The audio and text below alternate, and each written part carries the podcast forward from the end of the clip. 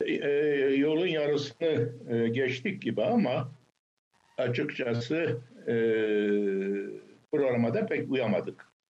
Yani uyacak gibi de görünmüyorum. Ben de öyle onu da söyleyeyim. E, ben işte ikişer saatten bu dört adama, dört büyük adama e, yani, e, konuşabiliriz.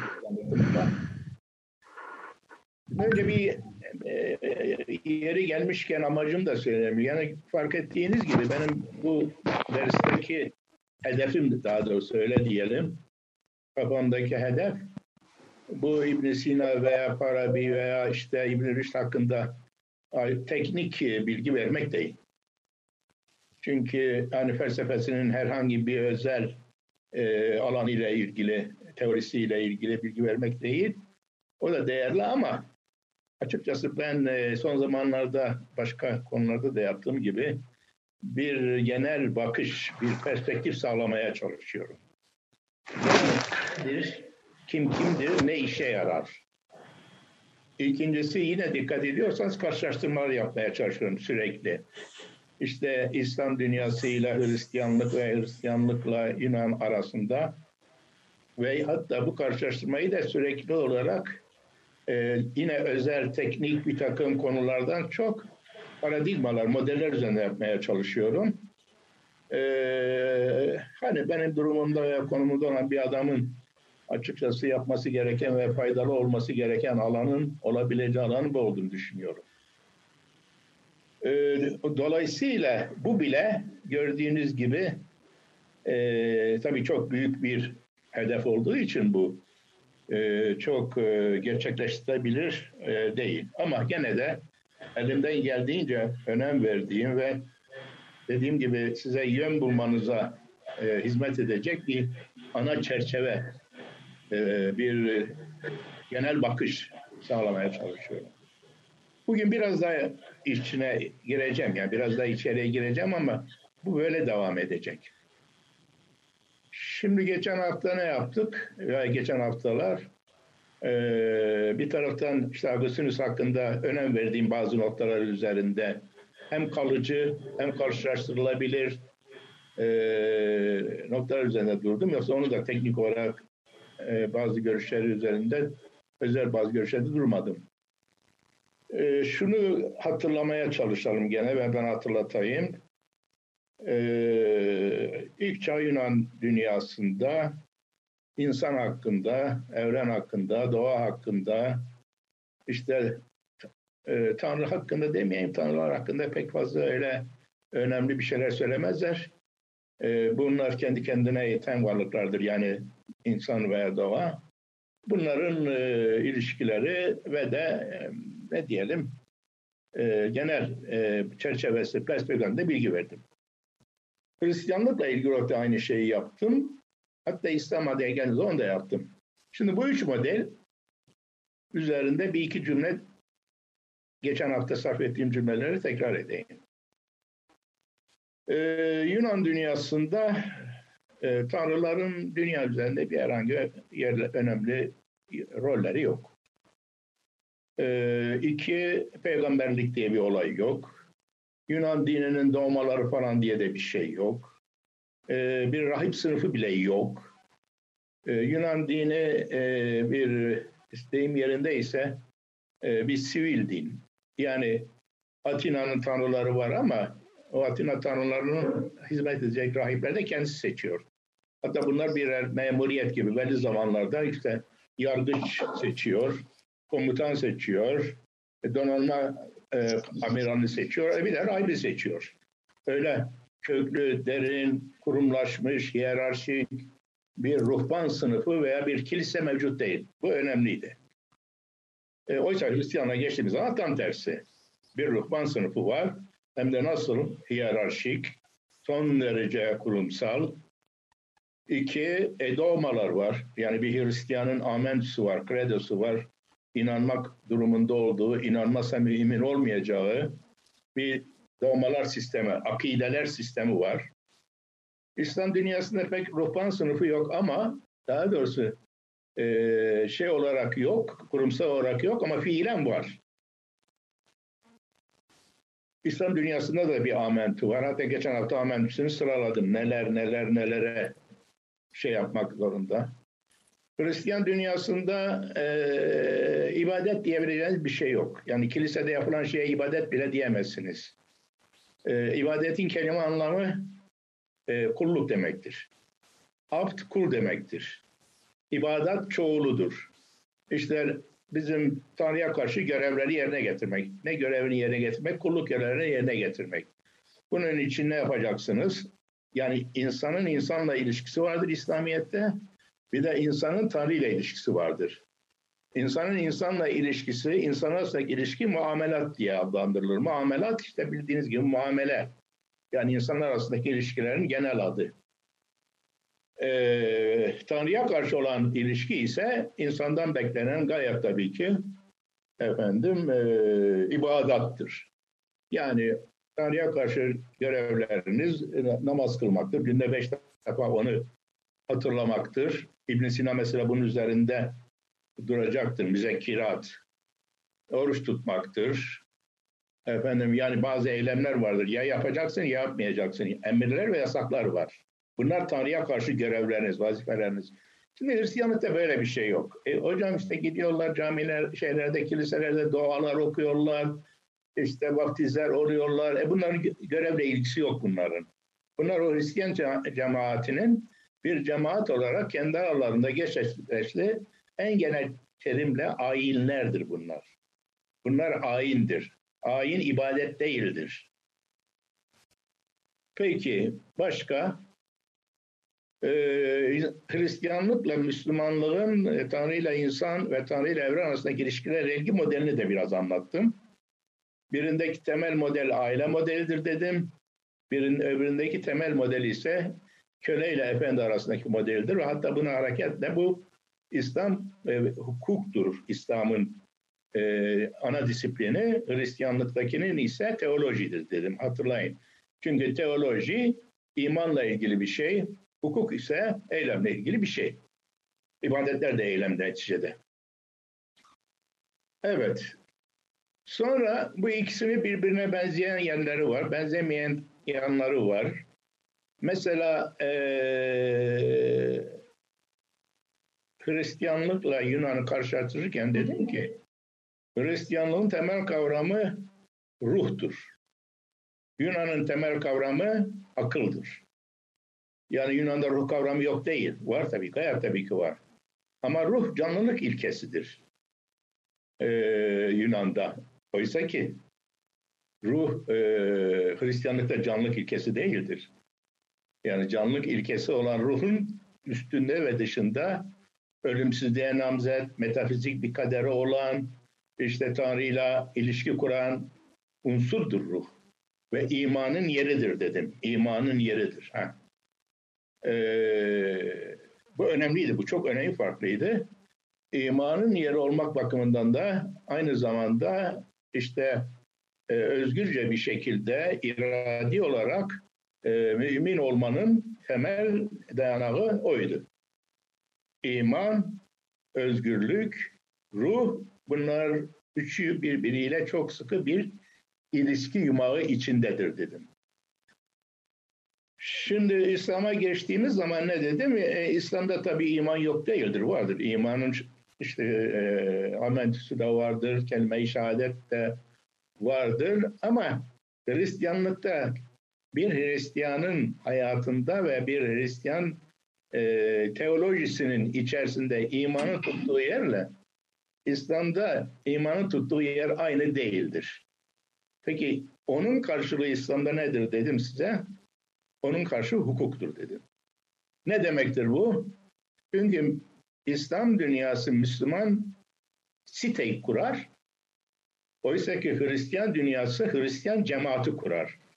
Cemaat de site birbirinden çok farklıdır. Onu da anlattım size. Cemaat başka bir şeydir. Cemaat aynı inancı paylaşan, aynı ritüeli e, paylaşan, aynı işte aynı yapan, aynı efendim mesela gönül e, veya duygu iklimine sahip olan insanlar cemaati meydana getirir. Şeyi de söyledim, onu da unutmayın. Yani canım bu senin anlattığın teori de yani kilise devlet iddiasında olmamış mıdır? Bir Hristiyan sitesini kurma iddiasında olmamış mıdır? Onlar ayrı meseleler. Ben hep işin özünden, esasından bahsediyorum. Nitekim onun o devlet veya bilmem ne olma iddiasına karşı Martin Luther çıktığı zaman Hristiyanlık adına ve sempole dayanarak bunların yanlış olduklarını söylemiş ve işte bir reform yapmıştır. İslamiyet'te böyle bir reform yapamazsınız. Reform yapıp nereye gideceksiniz?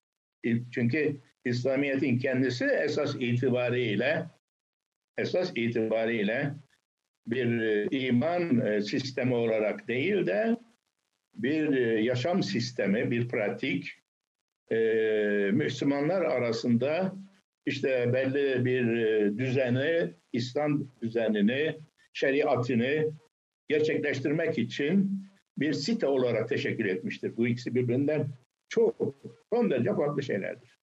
Neyse. Yani bütün bu incelikler birbirinden farklıdır. Şimdi birkaç daha özel teknik konulara geçeceğim. Yani konumuzla ilgili özellikle bu İslam filozoflarıyla söz konusu olduğu zaman Yunan düşüncesinin temel e, Yunan filozoflarının hepsinin bunlar ister materyalist olsun ide, idealist olsun ister Demokritos olsun ister Platon olsun veya Aristoteles olsun. Neydi temel e, şeyleri, e, dertleri esas itibariyle? Eşyanın yapısı nedir? Doğanın yapısı nedir? Onda hangi yasalar söz konusudur? Şimdi önce doğa ilgili, daha sonra buna toplum da eklendi. Siyasi toplum da eklendi. Bu sefer Aristoteles siyasi toplumun yasalarını inceliyor. Ve ahlak eklendi. Ahlakın yasalarını inceliyor. Vesaire. Ee, ama hepsinin temel varsayımı nedir? Özellikle doğa filozoflarından itibaren e, evren kendi başına, kendi ayakları üzerinde durabilecek bağımsız bir varlıktır. Ne demektir bu? Tanrılar evreni yaratmamıştır. Yaratma diye bir şey yoktur. Ee, Zeus yaratmaz. Zaten yaratım diye bir şey mümkün değildir. Yani bunu kimse yaratım diye bir şey mümkün değildir diye söylemez. Ama işte e, bütün doğa filozofları eşyanın altında bulunan o değişen çeşitli kılıklar altında görünen ama hepsinin kendisine indirgenebileceği, değişmeyen, asıl var olan arke, ilke nedir diye aradıkları zaman bunu arıyorlar. Ve bunu en iyi ifade eden de doğa filozofları içinde e, şey oluyor, Parmenides. Parmenides kime karşı? Herakleitos'a karşı. Neye? O değişmeyi, oluşu kabul edip tanrılaştıran her şey başka bir şey oluyor. Değişmenin kendisi işte bir tek şey vardır, değişmeme, değişmedir, değişmeyen bir şey var, değişmeye karşı değişme mümkün değildir diyor. Niye mümkün değildir diyor? Çünkü diyor varlık vardır, var olmayan var değildir. Ee, varlık yani being, varlık e, her zaman vardı, her zaman var olacak, her zaman vardı, her zaman var olacak. Var olanın yokluğa gitmesi mümkün değildir, yok olanın da varlığa gelmesi mümkün değildir. Felsefeci arkadaşlarımız e, bunların ayrıntılarını biliyorlar. Evet, e canım Parmenides bunu söylüyor ama ne diyelim e, Aristoteles böyle demiyor. Aristoteles de bunu diyor. Aristoteles başka şekilde söylüyor. Bir, Aristoteles bir defa evrenin ezeli olduğunu söylüyor. Alemin kıdemi meselesi söyledim. Ayrıca Aristoteles sadece maddenin değil, formun da ezeli olduğunu söylüyor. Zamanın da ezeli olduğunu söylüyor.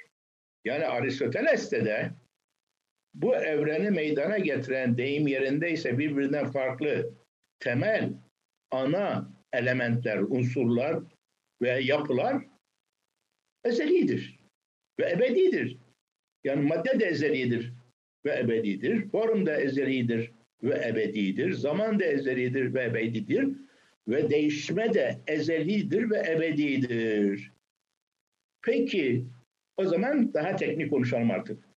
Yunan filozoflarının daha sonra bütün Batı felsefesinde, İslam felsefesinde ta Kant'a kadar esas meselesi olacak bir mesele vardır. Öz ile varoluş kavramı. Veya öz ile varoluş arasındaki farklar. Yunan filozofunda böyle bir problem yoktur. Ne demektir öz?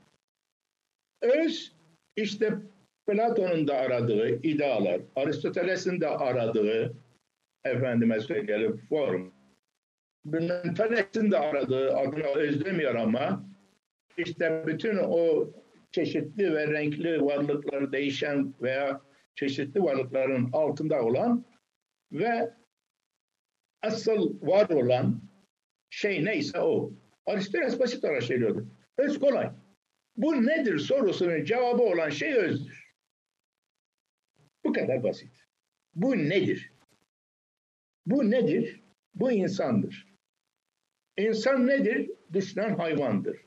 O halde düşünen hayvan olma bir özdür. Bu nedir? Üçgendir. Üçgen nedir? Üçgen, üç açısı olan, işte 180 derece açılarının toplamı olan, üç kenar tarafından çevrilmiş olan geometrik şekildir. Bu üçgendir. Bu nedir? Canlıdır. Bu nedir? Ağaçtır.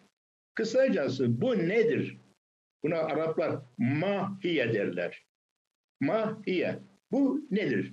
Bu nedir sorusunun cevabı olan şey özdür. E güzel. Peki varoluş nedir? Ha, o bu nedir sorusunun cevabı olan her neyse onun fiilen aktüel olarak bir veri olarak aynı zamanda bir varoluşa sahip olmasıdır. Ne zor olduğunu biliyorum. Ama ne olduğunu, ne olduğunu anlatacağım. Bu önemli çünkü bütün şey felsefesini, e, İbn Sina felsefesine temel olacak. Şimdi üçgen nedir? Üçgen bir geometrik şekil. Biraz önce söylediğim gibi üç kenarla çevrili, üç açısı olan 180 derece bir geometrik şekil. Peki. Neyi tanımladık? Özü. Üçgenin tanımlanmasından, bu özün tanımlanmasından evrende üçgen diye bir şeyin, bir özün fiilen gerçekten var olduğu sonucuna geçebilir miyiz? Bak çok naca basit. Geçemeyiz. Ne demektir bu? Bu tanıma tekabül eden bir şey var mı? Komünizm nedir? Komünizm içerisinde e, işte bilmem e, işçi işveren kapitalist işçi ilişkilerinin olmayacağı bütün insanların işte ihtiyaçlarına göre bilmem e, şeylerinin e, ihtiyaçlarının giderileceği bir e, siyasal sistemdir. E tamam tanımladınız. Komünizm tanımlaması mükemmel. Üçgen gibi tanımladınız. Böyle bir özün var olması, ne bakımdan var olması? Tanım olarak var olması zihinsel olarak var olması, dışarıda bir komünist denilen o sistemin fiilen aktüel olarak var olması anlamına geliyor mu? Gelmiyor. Peki nedir o halde? Peki nedir? Bu mesele çok önemlidir. Bu mesele ta Kant'a kadar gelir. Şimdi Aristoteles için veya bir Platon için yani öz nedir? Ee, efendime söyleyelim acaba e, öz veya tanımın konusu olan şeyin e, var olması zorunlu mudur? Yoksa var olmayan özler olabilir mi diye bir problem yoktur. Aristoteles'in ideaları özlerdir. Ama şeyin Platon'un. Ama hiçbir zaman aklına ya bu özler benim zihinsel nesnelerimdir, tanımlardan ibarettir üçgen gibi bunların acaba aynı zamanda da bir egzistansları var oluşu mu, var oluşu var mı diye bir soru gelmez. Çünkü Yunan filozofları normal adamdır, benim gibidir, sizin gibidir. Yani realisttirler. Zaten eğer bir şey özse vardır. Öz değilse zaten var değildir. Atıyorum gene. Sphinx nedir? Sphinx aslan vücutlu ve pençeli gövdeli insan başlı bir hayvandır. Şimdi hiçbir zaman için ne Platon'un ne Aristoteles'in aklına Sphinx'in bir öz olduğu gelmez.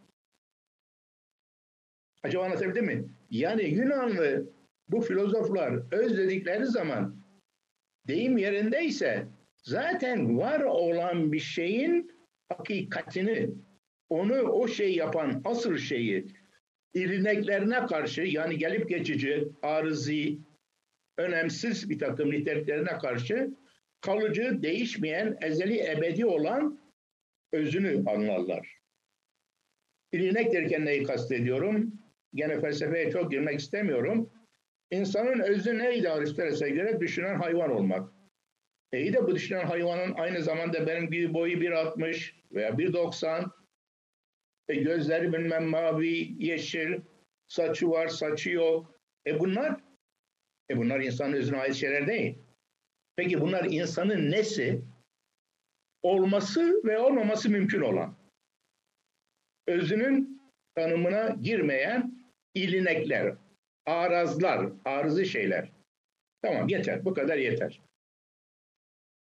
Şimdi Aristoteles'in tanrısını biliyorsunuz. Kendi kendini düşünen bir düşünce. Platon'un da bir düşünce. Kısacası buradan varmak istediğim şey şu.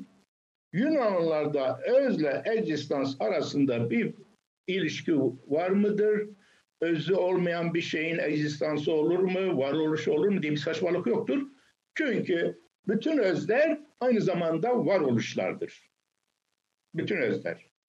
Şimdi Müslüman dünyası, Hristiyan dünyasına gel iş değişiyor. Çünkü ne, her nedense bir adam çıkıyor ortaya. Kim? İşte İbrahim diyelim isterseniz. Ne diyor? Tekvin diye bir kitap geliyor kendisine veya Musa'ya. Neyse o ilk beş kitap. Diyor ki Tanrı ol dedi. Hiçbir şey yoktu. Tam olarak böyle de demiyor ama böyle yorumlamaya başlıyorlar. Ve yoktan var etti. Şimdi niye Yunanlı yoktan var etme ihtiyacını duymuyor Tanrısına ve var ettirme? Yine Yunan'ın aklına gelmiyor. Bu konulara hiç girmeyeceğim. Yani düşünebilirsiniz niye girmiyorlar. Akıllarına gelmiyor. Veya niye İbrahim'in aklına geliyor? Tanrı'yı Tanrı yapmak için Yahova'nın diğer tanrılardan farkını e, belirtmek için veya Tanrı'yı yüceltmek için veya Tanrı'ya ancak bu yakışır demek için yoktan var etti diyor. Şimdi yoktan var etti deyince birdenbire bambaşka bir dünyaya giriyoruz. Bambaşka bir dünyaya giriyoruz. O zaman insanda yoktan var ediliyor, içinde tabiat da yoktan var ediliyor, madde de var ediliyor, zaman da yoktan var ediliyor, her şey yoktan var. Bu yoktan var etme deyim yerindeyse Hristiyanın veya Müslümanın veya Yahudinin, İbrahim dinlerinin tanrısına yakışan budur şeklinde arkasında bir psikoloji varsa psikoloji, sosyoloji varsa sosyoloji neyse demeye başlıyor. O zaman ikinci bir sorun çıkıyor. Peki evren var olmadan evvel kim vardı? Tanrı vardı. Sadece Tanrı vardı. Kur'an'da da aynı. Evet. Yoktan öldü. Peki sadece ve sadece Tanrı vardı. Başka hiçbir şey yoktu.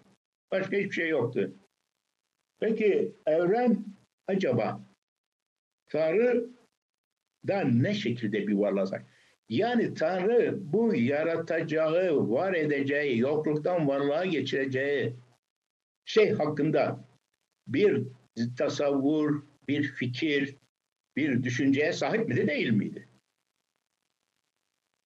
Aklına gelmez mi? İki şık var. Ya ifiye sahip değildi. E ne yaptı? Yaptı.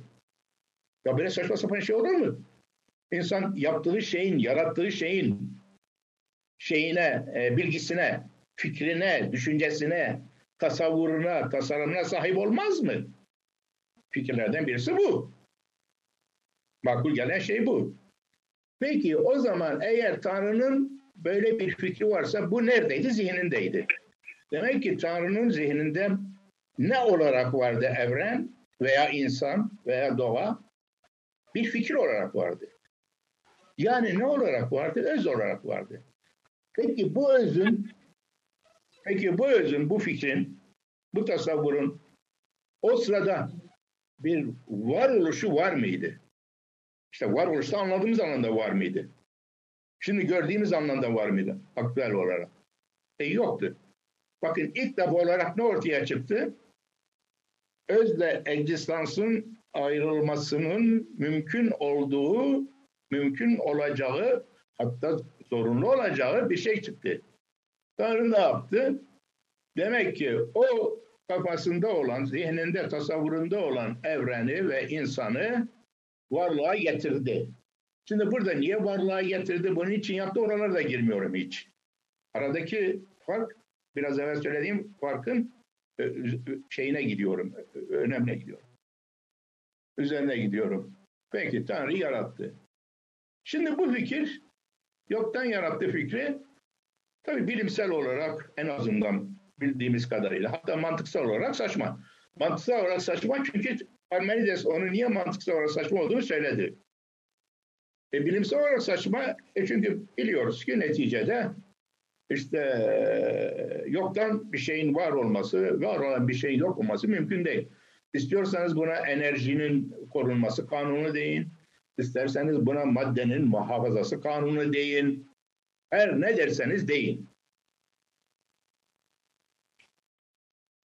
Ha bunu Yunanlı yoktan bir şey var olan, var olan bir şey yok olmaz derken muhtemelen tecrübelere de bakıyordu.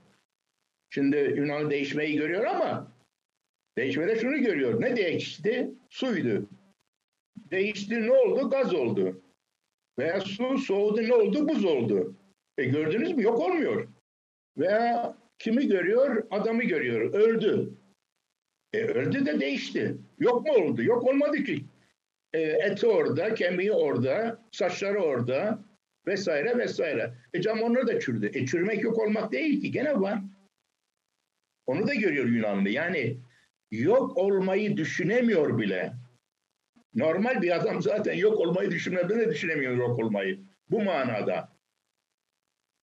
Yunanlı bir işe fiziksel bakıyor. O yüzden şimdi işte belki Hristiyanlığın yaptığı veya Müslümanlığın da onu takip ederek hatta belki de İbrahim'in başlattığı iş başka bir iş. İbrahim şunu demeye çalışıyor.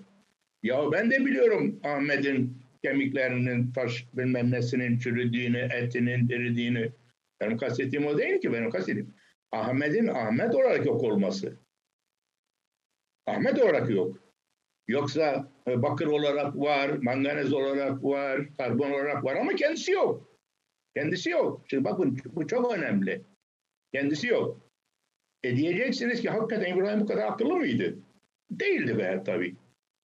Ama adamın düşüncesinin şeyini ne diyelim temelini arkasını anlıyoruz. Yani o bireyin bireyin ölmesi, ölümsüzlüğü vesairesiyle hayatı geleceğiyle ilgilenen bir yerde.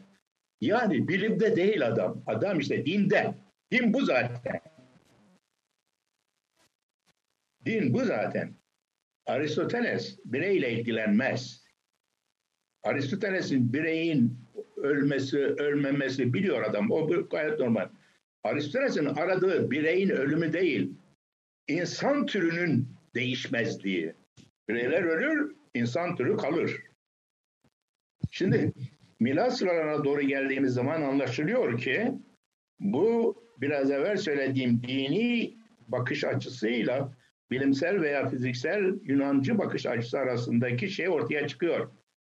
Yani Nasrettin Hoca'nın büyük kıyameti gibi. Bana ne öbür kıyametten? Ben öleceğim. Ruhun ölümsüzlüğü kavramının bu kadar önem kazanmasının nedeni bir de bu. Ha bu niye? O kadarını bilmem. Ama anlaşılıyor ki burada işin içerisine bilimin objektivitesi yerine bireyin subjektivitesi giriyor. Hristiyanlık subjektiviteyi getiriyor. Müslümanlık da aynı ölçüde olmamakla birlikte, o biraz tavşanın suyunun suyudur her zaman söylerim. O da o kervana katılıyor, o suya katılıyor. Bireyin sübjektivitesi. Nitekim e, Agustinus'tan bahsederken de bundan ya bahsettim ya bahsetmedim. Şimdi artık özle varoluş arasındaki mesele ortaya çıktı. Çeşitli açılardan, çeşitli bakımlardan. Şimdi biraz evvel dedim ki bireyin ölümü ölümsüzlüğü. İsa'yı da geçen hafta konuşurken zannederim söyledim. Dedim ki adam ölümü yeniyor, ölümü. Elementlerin ölümünü yenmiyor, kemiğin ölümünü yenmiyor.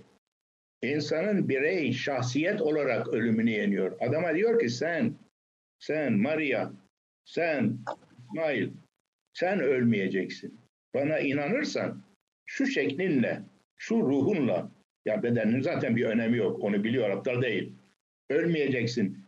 Bireyselliğin, identiten, identiten, kimliğin, kişiliğin ölümsüz olacak.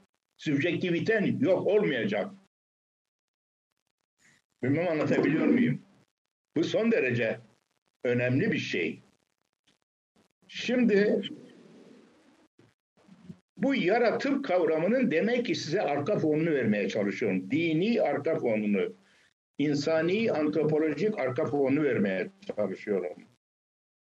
Yaratım kavramının ortaya çıkışı nedenleri ve niye bu ne kadar önem kazanması. Tabi dediğim gibi öbür yandan Tanrı'nın kudretinin tecellisi, onun kudretinin işareti vesaire vesaire olarak da alınabilir. Yani Yunan'daki gibi Aristoteles'in tanrısı ne dünyayı biliyor ne dünyayla ilgileniyor. Hani bir şeydeki duvardaki res, o res,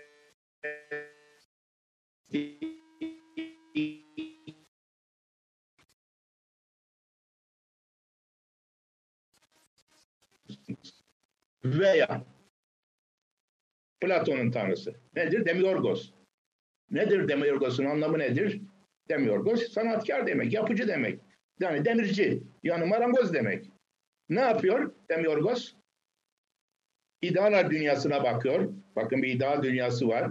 Bak buradan da yavaş yavaş Tanrı'yla zihin, Tanrı'yla idealar dünyası, idealar dünyasının yeri olarak tanrısal zihin gibi kavramlar ortaya çıkmaya başlayacak. Niye Platon'u beğeniyorlar? E bundan dolayı beğenecekler işte. Plotinos. Buradan ne yapıyor? Kaos veya uzay. Kaos demeyelim. Uzaya ne yapıyor? Şekil yapıyor. Uzayı biçimlendiriyor. Uzayı biçimlendiriyor. Uzayı biçimlendiriyor. Bu son döneminde Platon özellikle de ideaları matematiksel solid cisimler olarak düşündüğü için uzayı yani bütün cisimleri kısacası bütün varlıkları ne yapıyor? O demiorgos denilen aklın veya akıl üstünün, sanatçının, şimdi akıl idealardır. Oraya bakarak, oradaki modele bakarak, evet paradigmaya bakarak e, işleyerek onları deyim yerindeyse eliyle mi işliyor, nesiyle işliyor bilmiyoruz. İşte üçgen prizmalardan bilmem ne yapıyor. E, karelerden, e, dörtgen prizmalardan bilmem ne yapıyor. Uzun uzun Timayos'ta bunları anlatıyor. Yani gördüğünüz gibi iki durumda da yokluktan var etmek diye bir şey yok. Her durumda, her halükarda kozmos, kaostan kozmosa veya işte şeyden, e, uzaydan e, alıp eline makasla bir şeyler biçer gibi e, çeşitli unsurları, varlıkları, göğü, yeri meydana getiriyor. Evet. Şimdi Plotinos'a gelelim. Plotinos Yunanlı. Yunanlı ve bu benim anlattığım olayı fark ediyor. Yani neyi fark ediyor? Bir, geçen hafta da söylediğim gibi Tanrı'yı sadece akıl olarak, bir logos olarak, bir nus olarak ortaya koymanın yaşadığı dünyada kimseyi kesmediğini. Peki Tanrı'yı ne olarak ortaya koyalım diyor, diye duyuyor. Yani Tanrı'yı herhalde bir irade olarak ortaya koymak, onu bir akıl olarak ortaya koymaktan çok daha şey, e, ne diyelim, ihtiyaçlara cevap veriyor. Bunu yapıyor mu? Yapıyor ama nasıl yapıyor? İki, e, bu evrenin e, yoktan yaratım meselesi bakıyor, anlıyor. Bu şey. Yani bundan insanlar vazgeçmeyecekler. Bu çünkü onlara çok cazip geldi. Bir sistem inşa ediyor. Biliyorsunuz. Kısaca anlatayım gene. Varlığın temel ilkesi akıl değildir diyor. Şey gitti. Platon'un da Emiorgos gitti. Aristoteles'in de efendim tanrısı gitti. Anaxagoras'ın da Nusu gitti. Varlığın temel ilkesi akıl değildir. Nedir varlığın temel ilkesi? Bir olan şeydir. Peki bu bir nedir diyoruz? Onun hakkında konuşamayız diyor. Onu olacak ne olmadığını söyleyerek tanımlayabiliriz. Peki bu akıl mıdır? Değildir. Bilim midir? Değildir. Anlatabildim mi? Belirli bir şey midir? Değildir. Nedir bu? Ben en iyi bir şey söyleyeyim size. Enerji. Bir enerji var. Evrenin evrenin her şeyin kendisinden geldiği, var olduğu bir enerji var. Peki. Bu enerji veya Hegel'in Geist'i. Geist, enerji hepsi aynı şey bunlar. Bir olan. Şimdi bu ama nasıl bir şeydir diyor. Bu e, mükemmel bir şey olduğu için aslında mükemmellik de konuşulamaz da hani doğası ondan daha mükemmel bir şey olmadığı için doğası kendini ifade etmek. Ne yapmak? İaşe etmek, iba, e, e, emane etmek, taşmak, taşmak olan bir varlıktır. Yani bu güneş, en iyisi güneş. Enerji benzetmesini yaptığımıza göre en azından enerjinin de kaynağı olarak güneşi gördüğümüze göre güneş ne yapar? Isı yayar. Ne yapar? Işık yayar. Evet. Evren aydınlatır. Platon'un da çok hoşuna gider. Çünkü bu aydınlatma meselesi iyi bir şey. Ve evren her şey insan, doğa içinde olmak üzere bu güneşin intişarıdır. Heh, daha iyi bir terim. İntişarıdır. Yani ondan yayılan şeydir. Peki yayılan şey, bakın bu zaman içinde mi oluyor? Hayır, ezeli. Bunu yapan bir varlık mı var? Hayır. Bizzati kendisi, kendisinden. Kendisi, kendisinden, kendisiyle bunu yapıyor. Ne çıkıyor diyor bunda? Bundan ne çıkıyor? Ve bu Tanrı bir. Bakın temel özelliği de bir. İstiyorsanız bir, istiyorsanız varlık deyin. Büyük harfle varlık diye yazın. Varlık diye yazın. Ama yazmayın, dikkatli olun. Çünkü bütün bu söylediğim şeyler varoluş, öz, belirlenme, logos, akıl, e, paradigman hepsi ondan çıkan şeyde olacak. Yani bu akıl taştığı zaman, sudur ettiği zaman, emane ettiği zaman bundan çıkan şeyin kendisine baktığımız zaman onda bir çokluk göreceğiz. Ne çokluğu? Bizim şu ana kadar Yunan felsefesinde Tanrı'ya ilişkin olarak gördüğümüz her şey, Aristoteles'in, Platon'un vesairenin Tanrısıyla ilgili olarak gördüğümüz her şey şimdi ikinci varlıkta. Tanrı'dan taşan ikinci varlıkta olacak. İkinci ipostaz. Bunlara ipostaz diyor. Bir, birinci. Enerji. Geist. Belirsiz olan. İkincisi, o ikincisi işte aynı zamanda akıl. Bakın akıl aşağı indi. Aynı zamanda akıl. Aynı zamanda varlık. O ikinci alanda, ikinci ipostazda, ikinci tözde artık bu şudur diyebilirsiniz. Yani insan var orada, at var, bilmem e, yer çekimi yasası var vesaire vesaire. Her şey özler orada. Ama özler varlıkla birlikte var. Varlık da orada. Yani Yunan'dan gene fedakarlık yok. Özler var. E çünkü var işte zaten. Tanrı'dan çıktı. Tanrı da.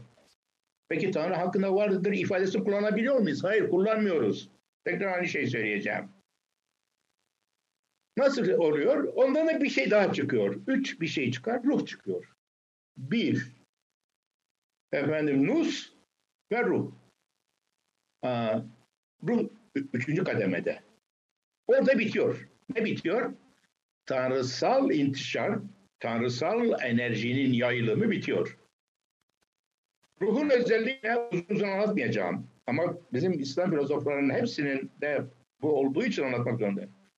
O şeyde e, ruh bir taraftan yukarıya görme imkanına sahip neyi? Aklı. Neyi? Nusu. Bir taraftan da farkında bile olmaksızın aşağıyı ne etme imkanına sahip? Belirlemek imkanına sahip. Aşağısı tabiat. Artık aşağısı tabiat. Artık kutsal olmayan alan. Artık Platon'un oluş alemi, ideaların altındaki alem. Artık madde alemi. Orada mükemmellik yok.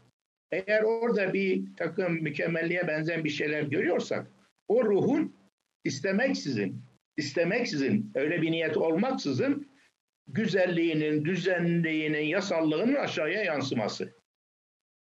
Tamam. Bu şey teorisi işte. Südür teorisi. Müslümanların, südür, Hristiyanlarda da var bu.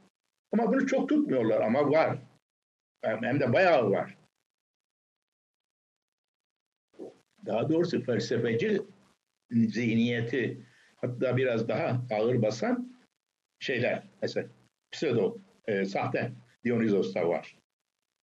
Şimdi diyeceksiniz ki hocam bütün bunları bize niye anlatıyorsun? Şimdi burada bu mesele hallolmuş oluyor. Nasıl hallolmuş oluyor? Ee, bir, o yukarıya, Tanrı'ya doğru gidişi yolda birinci kademe akıl. Ama akıl oraya varamazsınız. Akıl olacaksınız ama akıldan başka bir şey gerekli. Hristiyan buna iman diyecek. Müslüman buna bilmem ne diyecek. Ama akıl değil. Yani akıl indi aşağıya. Birinin aşağısına indi. Hocam burada irade falan yok. Evet irade yok. Hristiyan ve Müslümanın tanrısı iradi olarak evreni meydana getirir. Yoktan mal eder. Şey Platinos'ta irade yok. İki, bu ezeli. Hem ezeli deyim yerindeyse ezelden beri çünkü güneş var olduğu, var olabildiğinden beri güneşte enerji var. Güneşte de ısı var. Güneşte de ışık var. O halde evren de o güneşten yansıyan ışık, kardan intişar eden soğuk olduğuna göre o da var. Evren ezeli. Yunan'ın şeyini kurtardı. Evrenin ezeliliğini kurtardı. Hani insanlar gelip geçici onlar bir önemi yok onun. Yunanlarda da öyle zaten. Aristoteles'te türler ezeli, kendisi ezeli değil. Bilmem anlatabildim mi? İrade yok yalnız. İrade yok. Şimdi bunu bir Hristiyan sever mi? Augustinus sever mi? Sevmez. Bir Augustinus sevmez. Neden? Çünkü Hristiyanın artık modelini biliyoruz. Tanrı, oğul, işte Adem, günah, e, o, e, şey yaptı onu e, cennetten kovdu, ama Yahova ne yaptı? Bir Yahudi kavmini sevdi. Avucun içi gibi sevdi. Ona korudu diğer kabilelere karşı. Yani Tanrı'nın orada insanla ilişkisi daha mahrem, daha özel, daha baba ilişkisi olduğu için sevmez bunu Hristiyan. Doğal olarak da sevmez. Bir de dinin mantığına uymadığı için de sevmez. Şimdi yerine gelmişken söyleyeyim. Hani efendim panteizm işte Spinoza'nın panteizmi harika bir şeydir. Evet harika bir şeydir. Felsefi olarak harika bir şeydir. E işte Stoaların da panteizmi harika bir şey. Evet harika bir şeydir. Ama din değildir. Çünkü dinin amacı bu değildir. Efendim işte e, Yunanlıların e, tanrıları çok antropomorfiktir. Çok antropomorfik olma, olduğu için ilkeldir. Oysa işte Müslümanın, Hristiyanın tanrısı bak ne kadar soyut. Dolayısıyla çok şey. Hayır bu da saçma sapan bir düşünce. Dinin din olması için insanın insan olarak ihtiyacına karşılık vermesi için Tanrı'nın insana benzemesi gerekir. Tanrı'nın insana benzemesi gerekir. Ya insan hiç moduslara, hiç atributlara, hiç bilmem nelere karşı biraz evvel sözünü ettiğim ölümsüzlük vesaire türündeki ihtiyaçlarını giderebilir mi onunla? Yani Tanrı'nın bize benzeyen bir şey olması lazım. Hatta bizi bize rağmen koruyan, seven bir şey olması lazım. Bunlar da ben konuşuyorum. Yani biz ona karşı suç da işlesek bizi koruması lazım, merhamet etmesi lazım, sevmesi lazım, avucun içi gibi koruması lazım, günahlarımızı affetmesi lazım. Nitekim de Hristiyanlıktan biliyorsun işte. Ondan dolayı ne oluyor? Kendi oğlunu bile feda edebiliyor. Ama gene de bu Hristiyanlık veya Müslümanlığın o modeliyle Yunan'ın modeli arasında bir uzlaştırma denemesi. Bir uzlaştırma denemesi. Müslümanlar bu modeli seviyorlar. Çünkü ellerinde başka bir model yok. Şimdi geldik oraya. Müslümanlar modeli seviyorlar. Şimdi İbn Sina yeni Platoncu. Yani Plotinosçu. İbn Sina'nın metafiziği işte biraz önce söylediğim bu model. İbn Sina bir taraftan istiyor ki Yunan'ın Plotinos'un veya Platon'un akılcılığından, doğacılığından, mantıklılığından vazgeçmesin. Ama bir taraftan da biraz önce sözünü ettiğim gereklilikten dolayı da yani Tanrı işte Kur'an'da dediği gibi veya Tevrat'ta denildiği gibi dünyayı yoktan yaratsın. Yoktan yaratılmasını kabul edemiyor. Ama böyle bir çözüm buluyor. Ne diyor bu sefer şeyimiz, bizim İbn Sina'mız? Tanrı diyor, işte biraz daha söylediğim gibi bir öyledir. O her şeyin üzerindedir. Her şeyin üzerindedir. Aynı Platonos gibi söylüyor. Fakat ona biraz daha insanilik katmaya çalışıyor. Onun temel özelliği ee, ne derler? Cud, cömerttir. Yani cömertliktir. Hani güneş güneş olarak cömert olduğu için değil.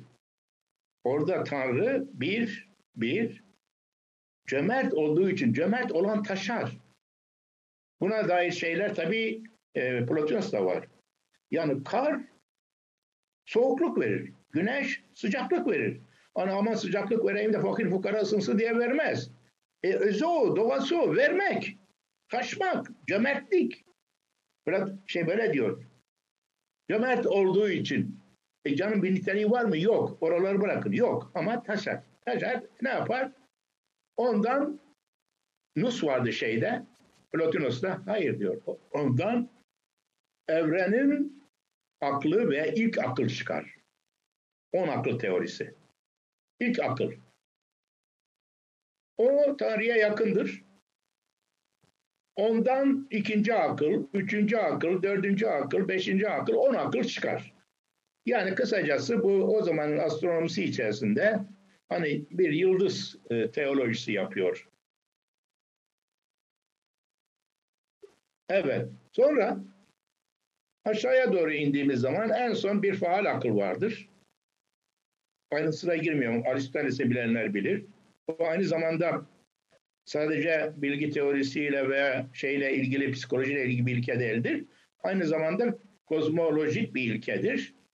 İşte aşağı dünyanın, fizik dünyanın varlığı, fizik dünyanın geri kalan her şeyi doğal, doğal varlıklar, maddesi vesaire vesaire bundan çıkar. Şimdi görüldüğü gibi aslında Platon'un modeli aynı. Yalnız onda bir, nus, ruh ve doğa. Bunda işte bir, Tanrı, efendim on akıl, e, faal akıl, arkasından doğa geliyor. Şimdi bir problem daha var bur- burada. Başka bir meseleyle karşı karşıya bulunuyoruz. O problem ne? Peygamber. Şimdi Hristiyanlıkta peygamberlik diye bir mesele yok. Çünkü İsa peygamber değil. Bilmem anlatabildim mi? İsa Tanrı. Tanrı'nın oğlu. İşte onun için özellikle geçen haftalarda üzerinde epey durdum. Ara bulucu, medyatör.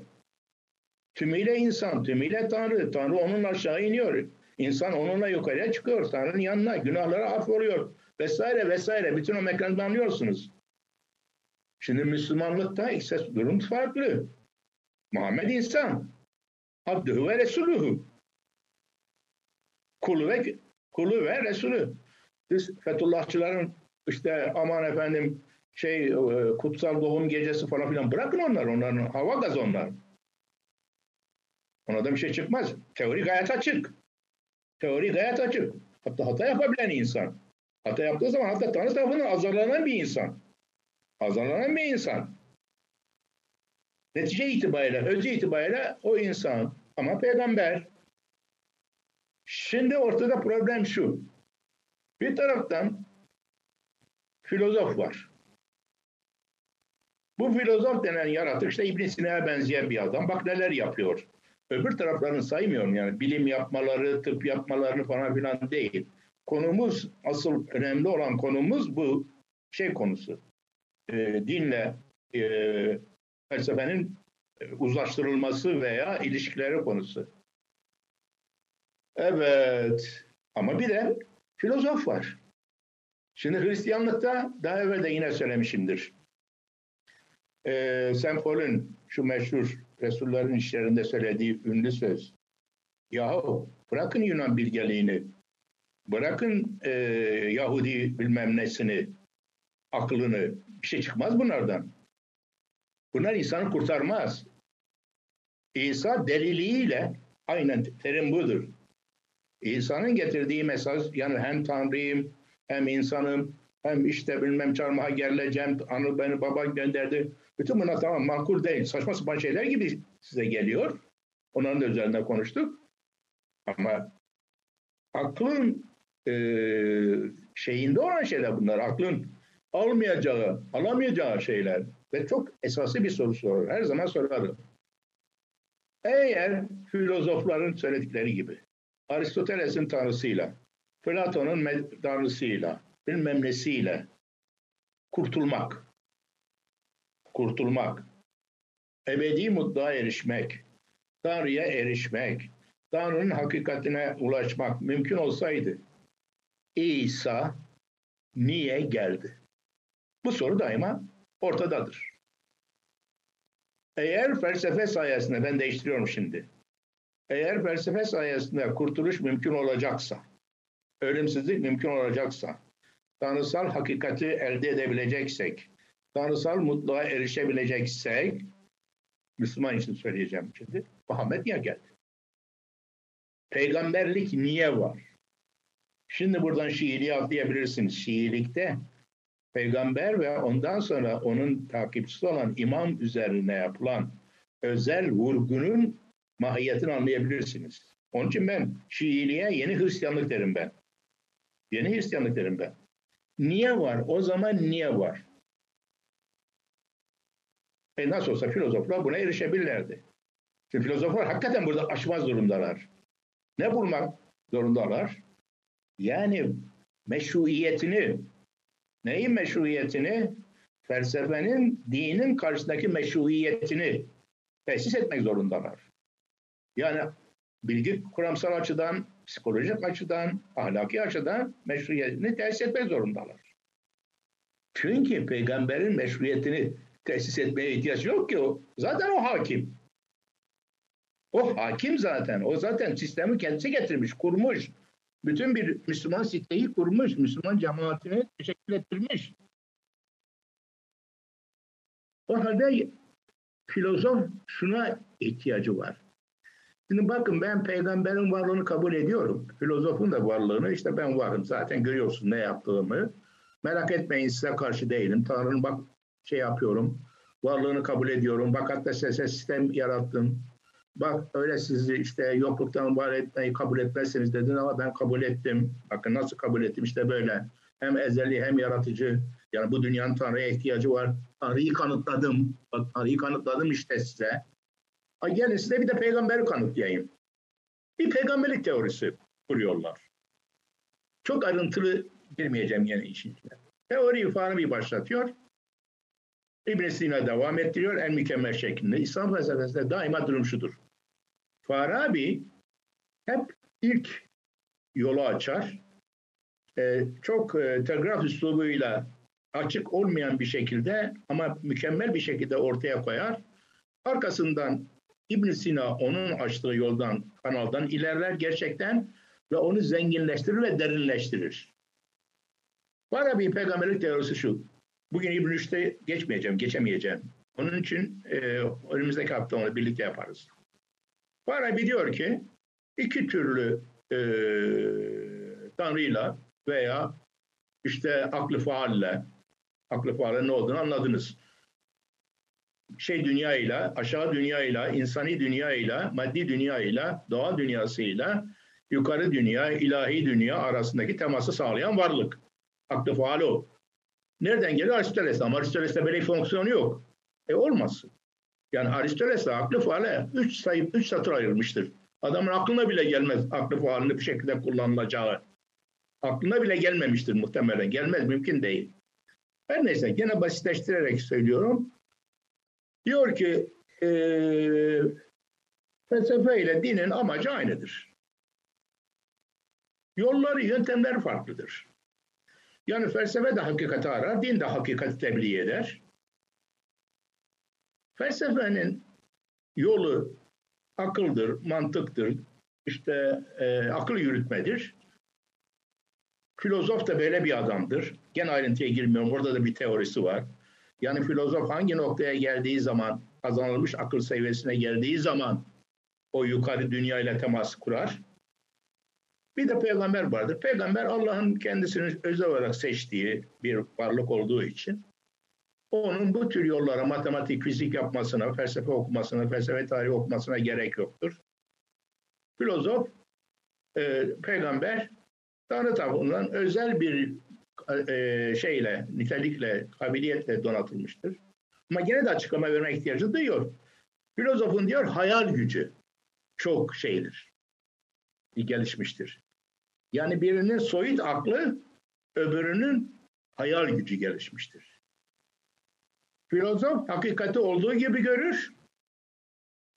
Efendime söyleyeyim, peygamber hakikati Cebrail'den alır. Tamam.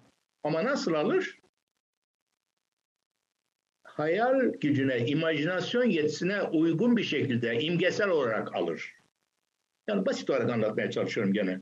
Yani mesela işte filozof der ki gelecek hayat, cennet, e, insan ruhunun işte bedenden kurtulup bedensiz olarak bir ruh olarak bir zihin olarak efendime söyleyelim e, başka zihinlerle yani Aristoteles'le, Platon'la, Kant'la bir araya gelmesi ve ondan ruhi olarak, zihni olarak mükemmel bir e, teşvik mesai yaparak mutlu olması der. Ama peygamber bunu şöyle ifade eder. Gelecek hayat işte kötü cehennem hayatı ateştir, nardır, sopadır, Azrail'dir, yedi kattır. Cennet hayatı efendim huridir, yetmiş huridir, bekler seni. Bunu anlatabildim mi? Neden? E çünkü din kime hitap eder der? Halka. Filozof kime hitap eder? Seçkinlere. Yani havasa. O halde İbn Sina söyler bunu. Eğer gelecek hayatın Farabi'nin anlattığı gibi olduğunu sen Bedevi'ye söylesen Bedevi boş verir bu dini. Veya bu boş ver. Evet aynen. Ama ona işte şehit, şehadet, vatan, terbiye, mersiye vesaire dersen, huri hele huriden bahsedersen işte ağaçlar üzerinde işte kebap olan kuşlardan, düşen elmalardan, armutlardan ve de hiçbir iş yapmaksızın, hiçbir enerji sarf etmeksizin ebedi olarak bunlardan yararlanacağını söylersen ondan anlardır. ibn Sina. Tabii biraz şey anlatıyorum. Yani biraz fazla basitleştirerek anlatıyorum ama e, yanlış anlatmıyorum. Doğru anlatıyorum. Şimdi bu tabii e, gene gördüğünüz gibi bir teori. Bir peygamberin teorisi. Bunu tabii daha da ince, daha da rafine, daha da zengin bir şekilde anlatmak da mümkün ki öyle zaten. E, karikatür gibi anlatıyorum, haklısınız. Ama esasını anlatmaya çalışıyorum.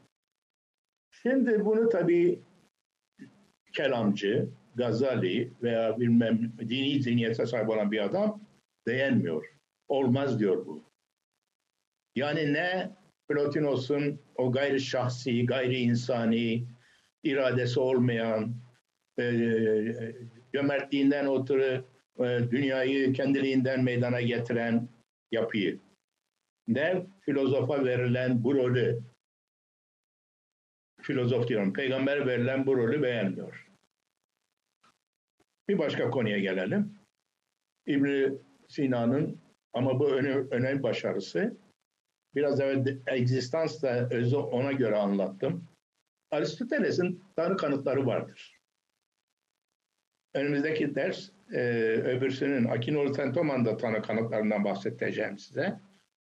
İşte bizim benim anlattığım, öğrettiğim felsefe giriş kitabında anlattığım bir takım kanıtlar. Teolojik, teleolojik kanıt. Yani evrendeki düzenlikten hareket eden kanıt. Kozmolojik kanıt. Yani her şeyin bir nedeni vardır. Bu ila nihaya sonsuza kadar gidemez. Bir yerde kesilmesi gerekir bunun. O da Tanrı'dır vesaire kanıtlar vardır. Şimdi İbn Sina akıllı olduğu için veya biraz evvel size anlatmaya çalıştığım bu farkları bildiği için yeni bir kanıt icat ediyor. Bu sefer öz ile varoluşun e, arasındaki farklılığa dayanan kanıt icat ediyor. Diyor ki o özle egzistansı anlattım size. Şimdi diyor e, öz kendi kendisine parsua, ansua bayitsel var olmayı gerektirmez. Yani üçgenin tanımı var diye üçgenin var olması gerekmez. Her zaman söylediğim gibi. Yani o halde ta evren var olmadan yokken sadece Tanrı'nın zihninde bir fikirken zaten bir fikirden daha başka bir şey olması da mümkün değilken ancak bir fikirken Tanrı onu ol dedi ve evren var oldu. Yani ne yaptı? Bu öze egzistans kazandırdı. Öze egzistans kazandırdı. Şimdi Aristoteles diyecek ki yahu zaten özse egzistansa zaten sahipti. Böyle saçmalık mı olur? Biraz evvel anlattım onu. Zaten özse egzistansa sahiptir. Öz değil de hani şey gibi bir şeyse, Sphinx gibi bir şeyse zaten var değildir. Hatta Aristoteles şunu der. Öncedir bir şeyin e, mahiyetini arayacaksınız. Bir defa bu şey nedir diyeceksiniz. Ama daha evvel bilim yaparken çok akıllı bir adam. Bu mahiyete tekabül eden bir şey gerçekten de var mı? Yani önce bilmem anlatabildim mi? Ama bu öyle söyleyip geçiyor. Onun için bunun öyle bir metafizik anlamı, derinliği, önemi falan filan yok. Fakat bu öyle bir önem kazanıyor ki şimdi şeyde İslam dünyasında ve Hristiyanlıkta şimdi diyor ki İbn Sina alemdeki bütün özler öyle diyelim. İnsan özü, ağaç özü, evreni bizzati kendisi öz olmak bakımından evet mümkünül vücuttur. Mümkünül vücut demek ise vücut egzistans demek. Yani var olması mümkün. Ama var değil. Aktör olarak var değil. Var olmaması da mümkün. Ben zorunlu bir varlık değilim. Benim şu andaki varlık yani bana şeyin açısından bakın. Ee, isterseniz Tanrı'nın bakış açısından bakın, isterseniz e, özün bakış açısından bakın. Ben sadece var olması mümkün olan bir varlığım. Ama mümkün olmakla birlikte varım. Yani olumsal olarak da varım. Bakın mümkün başka, olumsal başka. Peki ben kendimden, kendi gücümle, kendimden ötürü, kendi özümün tanımı gereği mi varım? Yok. Ben kendi özüm gereği mümkünüm. Ama şimdi bakın ama babamdan ötürü babam var olduğu için babamdan ötürü var olduğum için babam tarafından zorunluyum. Yani demek ki bu evrende bulunan bütün varlıklar şöyle bir statüye sahiptir ikili. Özlü bakımından mümkün, bir başka varlıktan ötürü zorunlu. Şimdi babam varsa, babamı çok genel alın. Yani babam da benim var olmamın şartlarının bütününü kastediyorum. O zaman bak, babam ve var olmamın şartları, babam varsa, annem varsa, yatak varsa, evlenmek varsa, bilmem erkeğin şehveti varsa ben de varım bak. Bilmem anlatabildim mi? Fakat diyor, evren bunu istediği kadar geriye götürün. Şu kozmolojik kanıtı geriye götürdüğünüz gibi. Ben böyleyim de babam bana göre daha mı zorunlu? Özü gereği zorunlu mu? Yok. Onu da tanımı, insan olarak tanımı varlık bakımından mümkün. O da, o da, o da. Şimdi bütün evreni böyle düşünün. Bütün evren birbirleriyle zincirleme de olarak, bütün olaylar, bütün olgular birbirleriyle zincirleme olarak özü gereği nedirler? Mümkündürler. Ama varlar. E, neden dolayı varlar? İşte özü gereği zorunlu olan bir şeyden ötürü varlar. Vacibül vücut bizzat ve vacibül vücut lizatihi. Kendisinden ötürü, kendisinden ötürü zorunlu olan bir şey. Şimdi bu enteresan bir şey ama. Farabi bunu bakın şöyle bir cümleyle ifade ediyor. Bu cümlenin kadar uzun bir tarihi var ki. Farabi diyor ki çünkü diyor bir öz öz olmak bakımından tamdır, mükemmeldir. Yani bir üçgen bir üçgen olmak ve tanımlanmak da mükemmeldir. Biz bir üçgeni tanımlarken içinde onun tanımı içine aynı zamanda var oluşun var oluş özelliğini, var oluş niteliğini atıyor muyuz? Üçgen nedir? Üç açıları 180 derece olan üç kenarlar çevrili bir şekil. Evet. Anladınız mı? Anladık. Tamam mı? Tamam. Kusur var mı da bir eksiklik? Peki diyoruz o zaman dışarıdaki üçgenle yani dışarıdaki üçgen herhangi bir üçgen dışarıda üçgen tahtanın üstüne çizdiğin üçgen işte efendime söyleyelim demirden bir üçgen gönye falan diyor ki şey Farabi ee, varoluş bakın bu cümle çok önemli varoluş özün bir kurucu unsuru değildir. Kurucu unsur anlıyor musunuz? Bir kavramı kuran unsurlara kurucu unsur denir. Bir kavramı. İnsan kavramını kuran unsurlar nedir? Düşünen hayvan. Üçgen kavramını kuran unsurlar nedir? Açı, kenar, üç açı, üç kenar, kapalı. Peki nedir diyoruz varoluş? Varoluş öze ait olmayan bir veridir. Onun dışında kalan bir veridir. Heh, bunun derdi ne?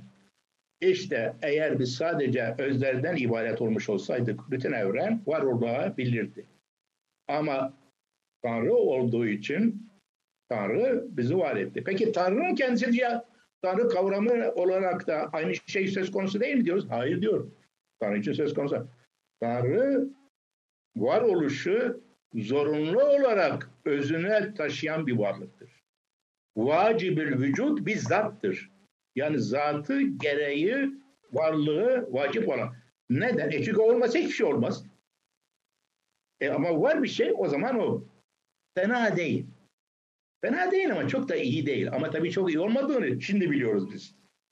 Yani ben o zaman yaşamış olsaydım, bunu bana söylemiş olsalardı hayranlıkla böyle bakardım. Ya bu ne harikulade bir kanıt. Nitekim de ne harikulade bir kanıt diye de bakmışlar uzunca bir süre. Kant bu meseleyi halletmiş.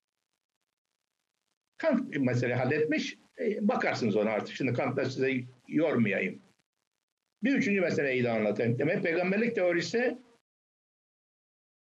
İbn Sina'nın çok daha ayrıntılı teori ama girmiyorum. Zamanım yok. Önemli olan akış açılarındaki perspektifleri veya modeli anlamak. Peygamberlik teorisi, bu yaratım teorisi, işte yeni Platonculuğa olan özel şeysi, durumu Bir konudan daha bahsedeyim. O da önemli. Şimdi bu kelamcılar yani Gazali, geçen hafta hani bahsettim Mutezile vesaire, iyi kötü kimden geliyor o konuda tartışma yapanlar. Tanrı'yı sadece evreni yoktan var ettirmekle kalmıyorlar. Müslüman dünyasından bahsediyorum. Olabilirdi yani bu da olabilirdi, yeterdi. Tanrı'yı, evreni her an sürekli olarak yoktan var ettirmek yoluna gidiyorlar. İşte burada ortaya çıkan bir çılgınlık var. Şimdi şöyle düşünüyorlar. Şöyle düşünüyorlar. Sadece Tanrı vardır ve Tanrı'nın dışında hiçbir şey yoktur. E canım var işte yarattı.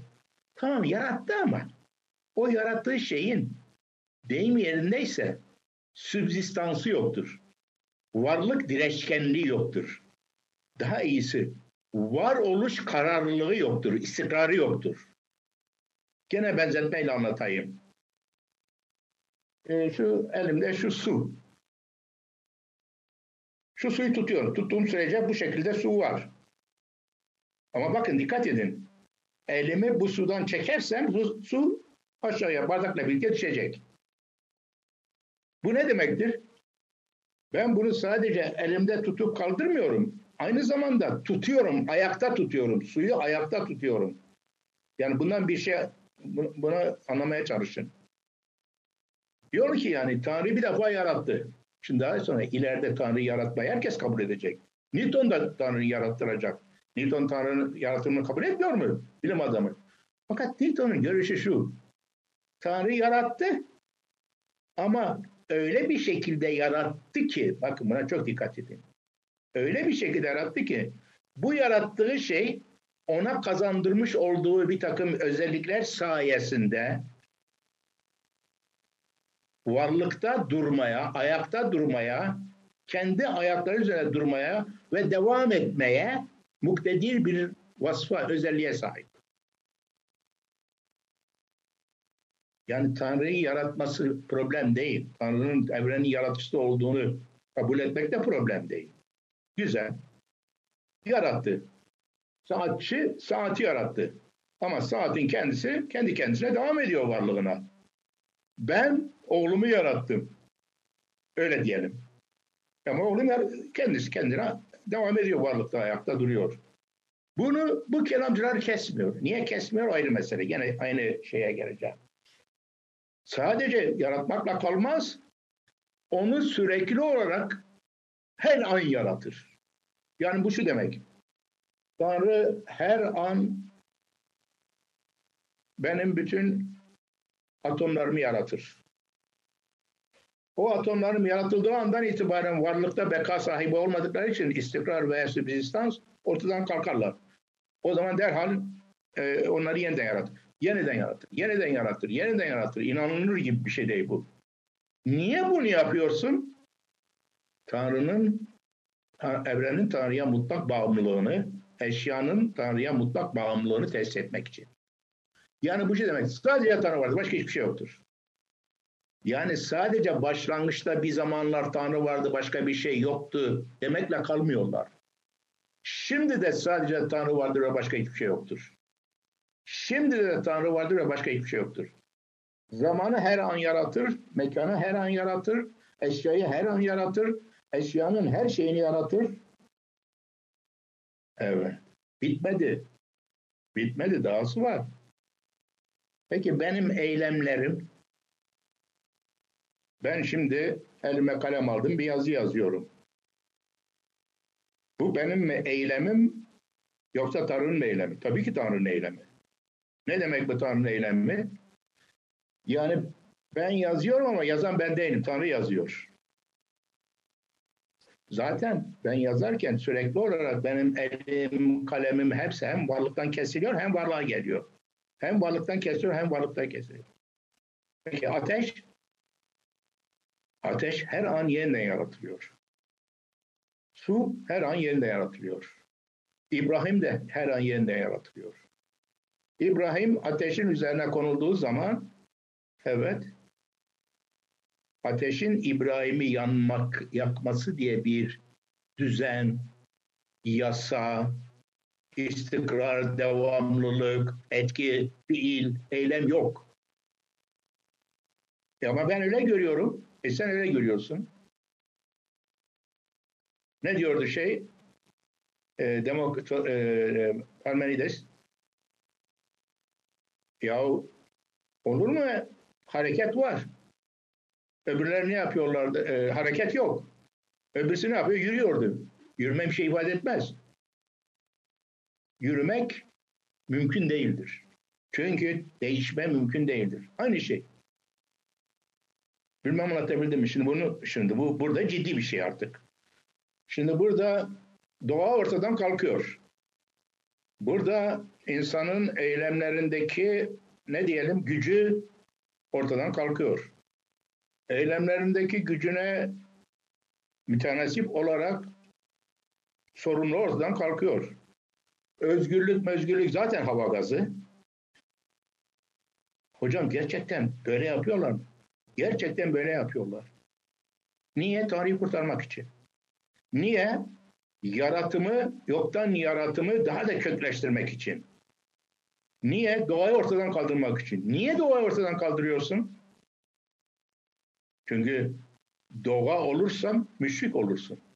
Ne demek? Neydi? La ilahe illallah. Öbürü neydi? La havle ve la kuvvete illa billah. Ne demek la havle ve la kuvvete illa billah? Tanrı'dan başka güç yoktur. Ateşte güç yok. Sende güç yok. Parmağında güç yok. Kalemde güç yok. Eylem yok. Her şey ve her an. Ve sadece bakın la havle ve la kuvvete illa billah cümlesinin anlamı bu. Bu bu demek işte. Yani Tanrı'nın kendisinden başka bu alemde hiçbir kudret, hiçbir puissance, hiçbir iktidar mevcut değildir. Peki filozoflar? Kimden geliyorlar? Aristoteles'ten. Kimden? Plotinos'tan. Ya diyorlar bu manyakça bir şey. Böyle şey olur mu? Doğa düzeni diye bir şey var. Eşyanın özü var. Failler var. Fiiller var. Peki diyoruz o zaman ateşle pamuğu koyduğumuz zaman örnek bilerek veriyorum. Ateş pamuğun yanmasının nedeni değil mi diyoruz? Yok diyor vesilesi. Neden başkadır? Vesile başkadır. Onun kanalı, yolu, görüntüsü. Gazali artık bu kadar da delilik olmaz diyor. Ya diyor tabii ki, tabii tabii. Bu kelamcılar, Eşari, Bakırlani falan filan bu saçma sapan şeyler ama diyor. Ama o da hala niyeti bozuk. Şeyi kurtaracak Cumhurbaşkanını. O da şunu diyor. Ya tabii ki benim dün başımda bulunan saçlarla bugün başında bulunan saçlar aynı saçlardır. Yani her an saçlarım yeniden varlığa gelmiyor tabii. Her an bütün hücrelerim yeniden varlığa gelmiyor diyor. Ama diyor bunların bir düzen içerisinde, senin gördüğün düzen içinde sanki ateş suyun kaynaması nedeniymiş gibi böyle bir düzen içerisinde görülmesinin yani sanki bunların bir düzeni, yasası varmış gibi görülmesi nedeni Tanrı'nın onları o şekilde yaratması. Bu bir adettir. Hume'un şeyi gibi. Nedensellik analizinde. Evet aynen Hume'un söylediği gibi. Ama Hume tabii şeyden almıyor. E, Gazali'den. Hume şeyden alıyor. Septiklerden. Sextus Empiricus'tan alıyor. Gazali tanıdığı bana için değil. Çünkü Sextus Empiricus da septik. Septik olduğu için septikleri biliyorsunuz. Yani şeyi kabul etmiyorlar. Herhangi bir gerçek bilgi imkanını. Duyuları da kabul etmiyorlar. Bilmem neyi de kabul etmiyorlar. de kabul etmiyorlar. Diyorlar nedeni görüyoruz. Eseri de görüyoruz. Ama nedenin etkisini eser üzerine görmüyoruz. Onlar başka bir dünya. Oysa filozof dediğim gibi Aristoteles'ten geliyor. Platon'dan geliyor. Yani böyle bir şey olmaz. Doğa diye bir şey var. Tamam doğa, Tanrı doğayı kendisi yarattı. Tamam doğa yasalarını kendisi yaptı. Tamam Newton diyor bunu. İstediği anda doğa yasalarına müdahale edebilir. Newton mucizeleri kabul ediyor. Doğa yasalarını istediği anda ama çok da istemez. Yani manyak mı? Niye istesin bunu? Giordano Bruno dala geçiyor bununla. Onun için asıyorlar adamı.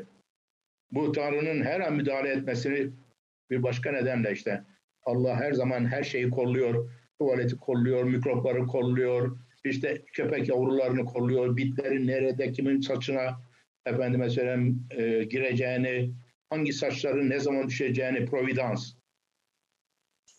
Giordano Bruno'yu da bunun için idam ediyorlar zavallı adamı.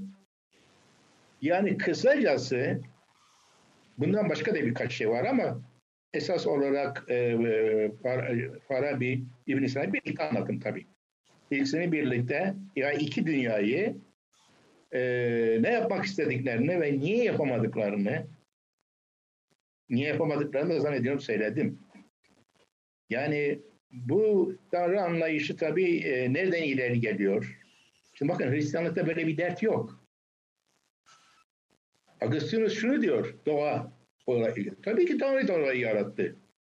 Ama hatta öyle diyor ki Stoalıların meşhur teorisi e, gizil e, şeyler tohumlar teorisini ileri sürüyor.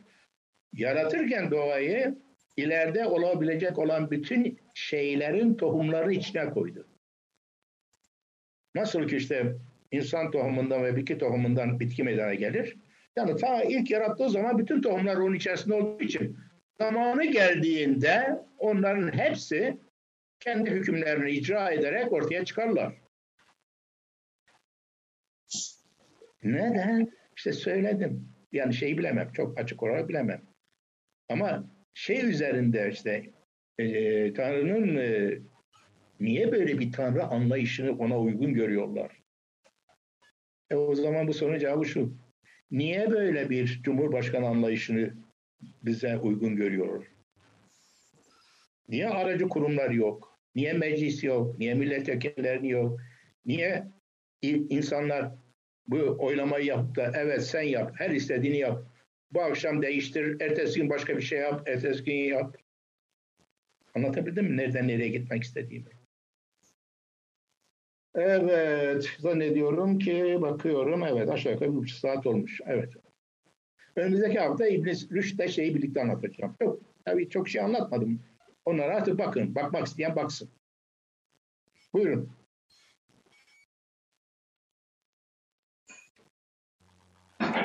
Ben bir şey sormak istiyorum hocam. İyi akşamlar tekrar herkese. Evet.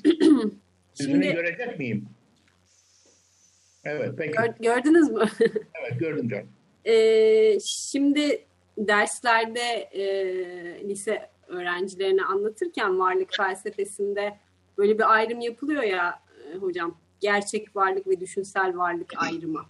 Hı hı. Şimdi sizin bu anlattıklarınızdan hareketle de şunu düşündüm, doğru mu düşündüm? Yani bir Aristoteles gelse böyle bir ayrımı gözetmeyecekti. Müfredatta böyle bir ayrım yer almayacaktı gibi mi düşünmem lazım? Yok yok. Aristoteles akıllı adam. Her şeye cevabı vardır. Aristoteles şöyle düşünecekti. Tekrar ediyorum. Aristoteles ve bütün Yunan filozofların meselesi özle varlık arası ilişkiler değil. Gerçek, hakiki olanla görünüşte olan arasındaki ilişkiler. Şimdi bakın ikisi birbirinden farklı şeyler. Yunan filozofları zaten her şey var.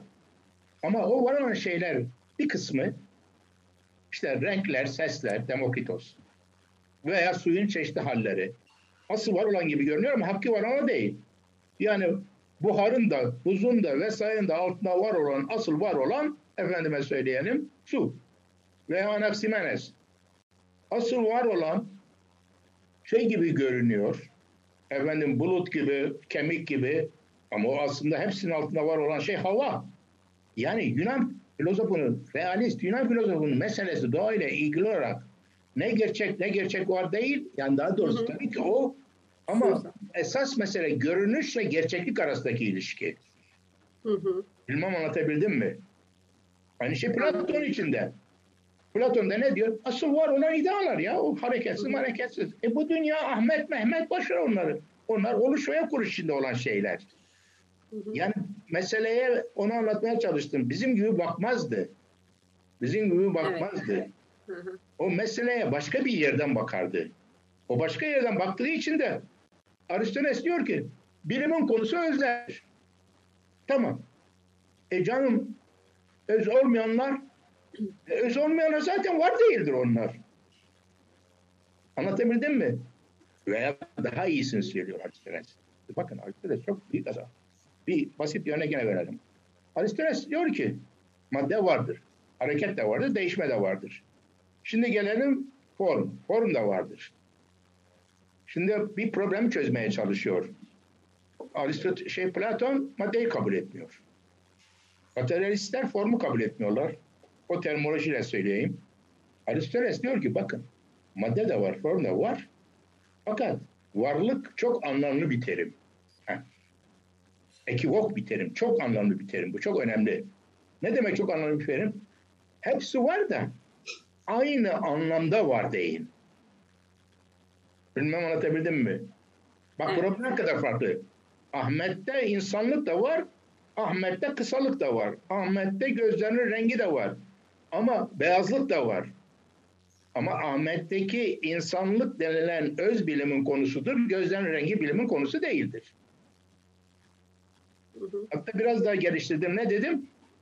Bilimin konusu tümel olan, genel olan olduğu için yani bilimin konusu e, ne diyelim düşünen insandır. Düşünen insan ne demek biliyor musunuz? Ahmet bilimin konusu değildir. Çünkü tümel bilimin konusudur. Şimdi onun için Hristiyanlıkla karşılaştırdım. Şimdi Hristiyanlık ne diyor ve Müslümanlık yahu düşünen insan ölmüyor ki ben ölüyorum ben. Şimdi bakın ne kadar arada büyük bir fark var. Ölen Zeyd, Musa, Ahmet öbür tarafa gidecek oradan sopayı yiyecek olan o. Dolayısıyla insan ne diyor? Sen ölmeyeceksin diyor. Bırak sen insan türünü. Bilim insan türüyle ilgileniyor. İstiyorsanız. Din insan tekiyle insan. ilgileniyor. İnsan tekiyle ilgileniyor. Bilmem anlatabildim mi? Yani senin söylediğin şey değil. Önemli değil. Bir işe yaramaz o. Evet. Peki bir şey daha soracağım. Ee, ibn Sina'da bu ım, vacibil vücut, mümkünül vücut yani evet. böyle sonuna kadar götürürsek vacibil vücut işte Tanrı yarattı e, varlıkları. Vacib vücut değil, vacibül vücut bizzatihi. Bakın bu çok önemli. Yani ben de vacibül vücudum.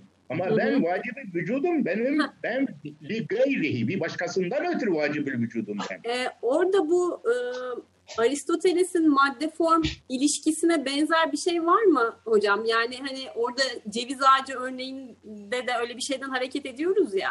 Hı. Maddesi Hı. ve formudur birbirinin gibi. Öyle bir Hı. benzerlik kurulabilir mi bunun arasında? Kurulamaz. Kurulamaz ama benzetmede yanlış olmayan taraf şu. Hı hı. Aristoteles'te kuvve de vardır, fiil de vardır. Bakın. Hı hı. İstiyorsan heh, mümkün kuvvenin karşılığıdır. Evet. Fakat yine fark var. Aristoteles'te şu vardır. Genç kızda kadınlık var. Ama genç evet. erkekte kadınlık yok. Peki genç kızda kadınlık fiilen mi var? Potansiyel olarak var. Yani potansiyeliteyle imkan aynı şey değil onda. Onu demek istiyorum. Yani imkan şeye benziyor. Ee, imkan iki tarafı açık. Evet. Anladın mı imkan? İki tarafı açık. Gerçekleşebilir, gerçekleşmez. Kuvvenin iki tarafı açık değildir. Kuvve gerçekleşecektir. Ama şu anda kuvve, kuvvedir. Yani fiil gerçekleşmiş olandır. Fiil, aksver. Hocam büyük yavaşlardan var. Anlatabildim mi? Yani benzeyen taraf var ama yani asıl mesele orada değil. Demek ki kuvve, yani Aristoteles'in kuvvesi şeyin mümkün vücudu değildir. Ee, İbn Sina'nın. İbn Sina'nın. Zaten İbn Rüşd onun için reddeder. Bu ne saçma sapan şeyler. Bu ne saçma sapan şey. Böyle bir dünya yok ki dedi İbn Rüşd.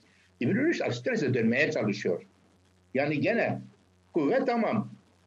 Kuvve eğer önüne imkan çıkarsa zorunlu olur, fiil olur. Yani evlenirsen şey olacaksın yani e, kadın olacaksın veya meşenin e, şeysi işte tohumu su bulursa olur. E bulmazsa olmaz. Yani o manada zorunlu değil. Meşe tohumunun meşe ağacı olması zorunlu değil.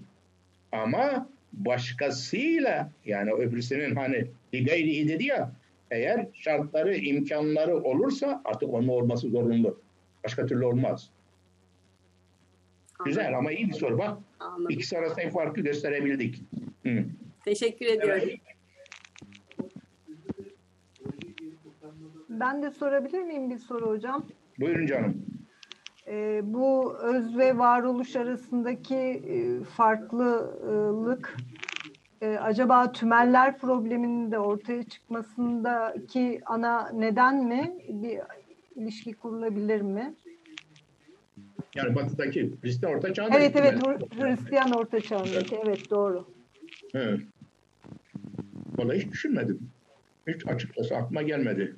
Yani e, orada da biliyorsunuz hani şey var ya kavram realizminde Hı hı. özler ve e, yani kavramların insan bilincinden bağımsız olarak varlıkları var. Yani antik çağdaki gibi. Hı hı. Eğer özse zaten bir varoluşa sahip. Doğru. Özse bir varoluşa sahip. Bir Doğru. varoluşa sahip ama sonrasında işte ayrılıyor ya yani e, kavramlar aslında bizim varlıklara verdiğimiz birer attan ibarettir'e kadar gidiyor. Nominalistler. Evet. Ha, nominalistler. Ee, burada da acaba hani bu varoluş ve öz arasındaki ilişki bağlamında mı tümeller problemi de ortaya çıktı diye düşündüm. Bilmiyorum, bilmiyorum hakikaten. Düşünmem lazım canım. Tamam. Peki Düşünmem. tümeller tümeller problemini ortaya çıkaran şey olarak siz ne dersiniz? Tümeller or- ortaya çıkaran şey e, bu e, İsa'nın e, şeyin e, Tanrı'nın üçlü varlığı. Üçlü varlığı. Yani şimdi Tanrı diye bir şey var. İsa da Tanrı. Baba da Tanrı. Kutsal Ruh da Tanrı. Üçünün ortak olarak paylaştığı şey bir tümel. Nasıl ki benim, senin veya Yılmaz'ın paylaştığı bir tümelse, insan tümeli ise Bilmem anlatabildim mi? Bir ortak tümel yani öz, öz, üç tane şahıs. Şimdi orada problem ortaya çıkıyor. Hristiyan kavram realist olmak zorunda. Gayet tabii ki. Yoksa eğer Tanrı babaysa İsa Tanrı olamaz. Onlar da diyorlar ki hayır İsa da Tanrı. Baba da Tanrı, kutsal ruh da Tanrı. Yani bir o, bu üç o, o substanstan o tözden veya o özden üçü de pay alıyor ama üç ayrı şahıs var burada söz konusu. Şahıslar ayrı, substans aynı. Ortaya çıkaran mesele bu.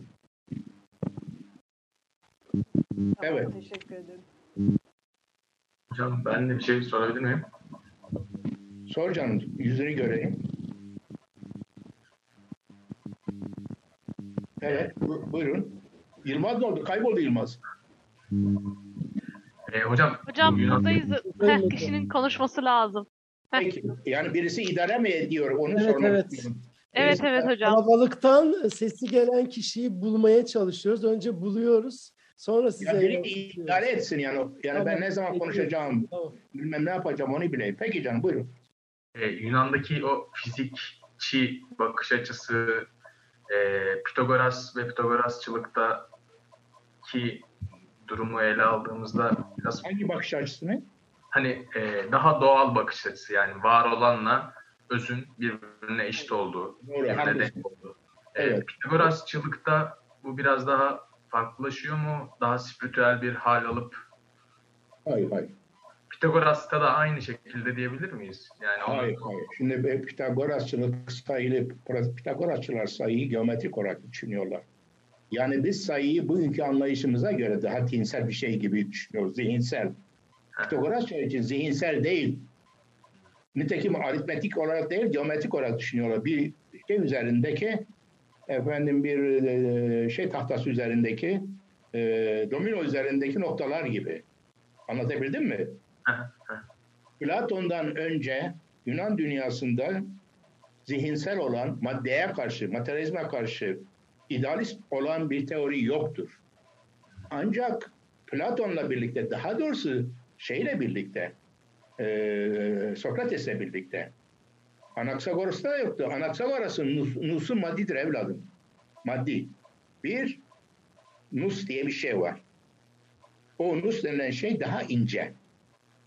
Daha ince bir şey.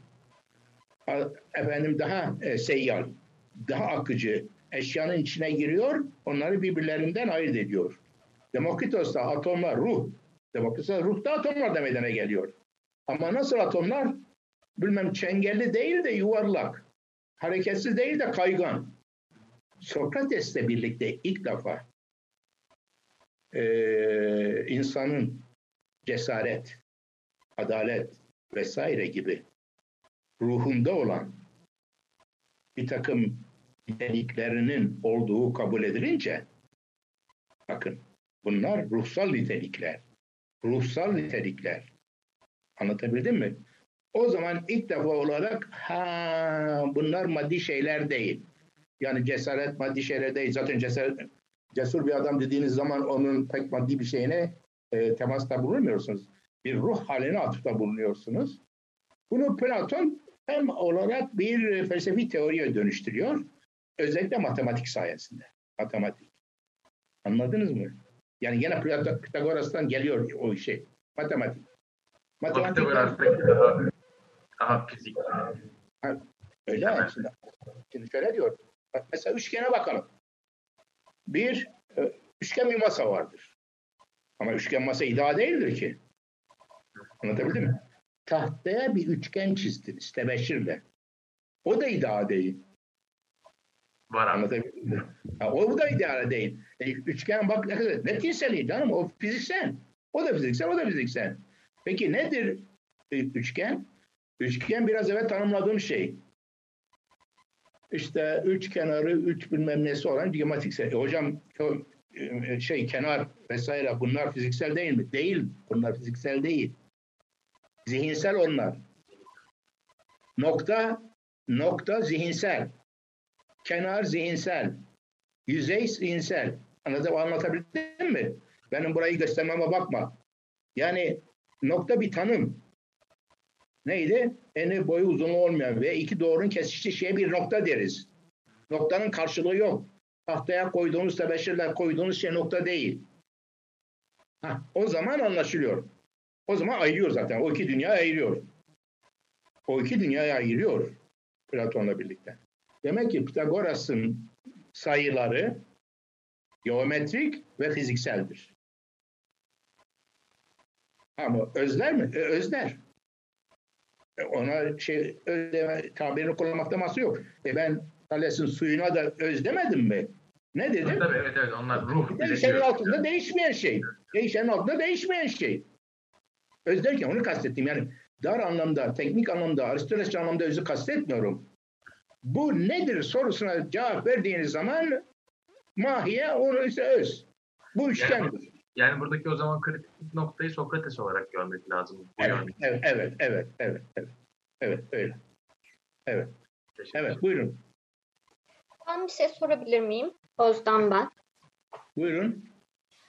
Ee, şimdi benim e, bu Platinus, e, ibn Sina Platinus'un modelini benimsiyor ya. Orada bir Evet. yerde e, faal akılla ilgili biraz kafam karıştı. Evet. Şimdi öncelikle dedik Platinus gibi o da Tanrı'yı en yukarıya yerleştiriyor. Bir dakika, bir dakika Platinos değil mi? Plotinos de. Pl- Plotinos. Heh. Plotinos gibi. O da e, Tanrı'yı her şeyin üzerine yerleştiriyor. Sonra Evet. diyor işte e, Tanrı'nın özelliği cömert olmak olduğu için diyor işte taşar ve on, oradan evrenin aklı ortaya çıkar. Buna birinci akıl diyor. Sonra sırasıyla bir kozmolojik olduğunu söylediniz onun. İşte Evet. 10 basamaklı bir akıl e, şeyi On- silsilesi on var diyor orada. Adı on akıl teorisi. On akıl On- teorisi. 10 akıl teorisi. Yani Güneş'in de aklı var, Mars'ın da aklı var. Anlatabildim mi? Bu, o zaman bilinen sabit yıldızlar küresinden aşağı doğru inerseniz tane akıllı varlığı kabul ediyor. Evet. Sonra e, faal akıl.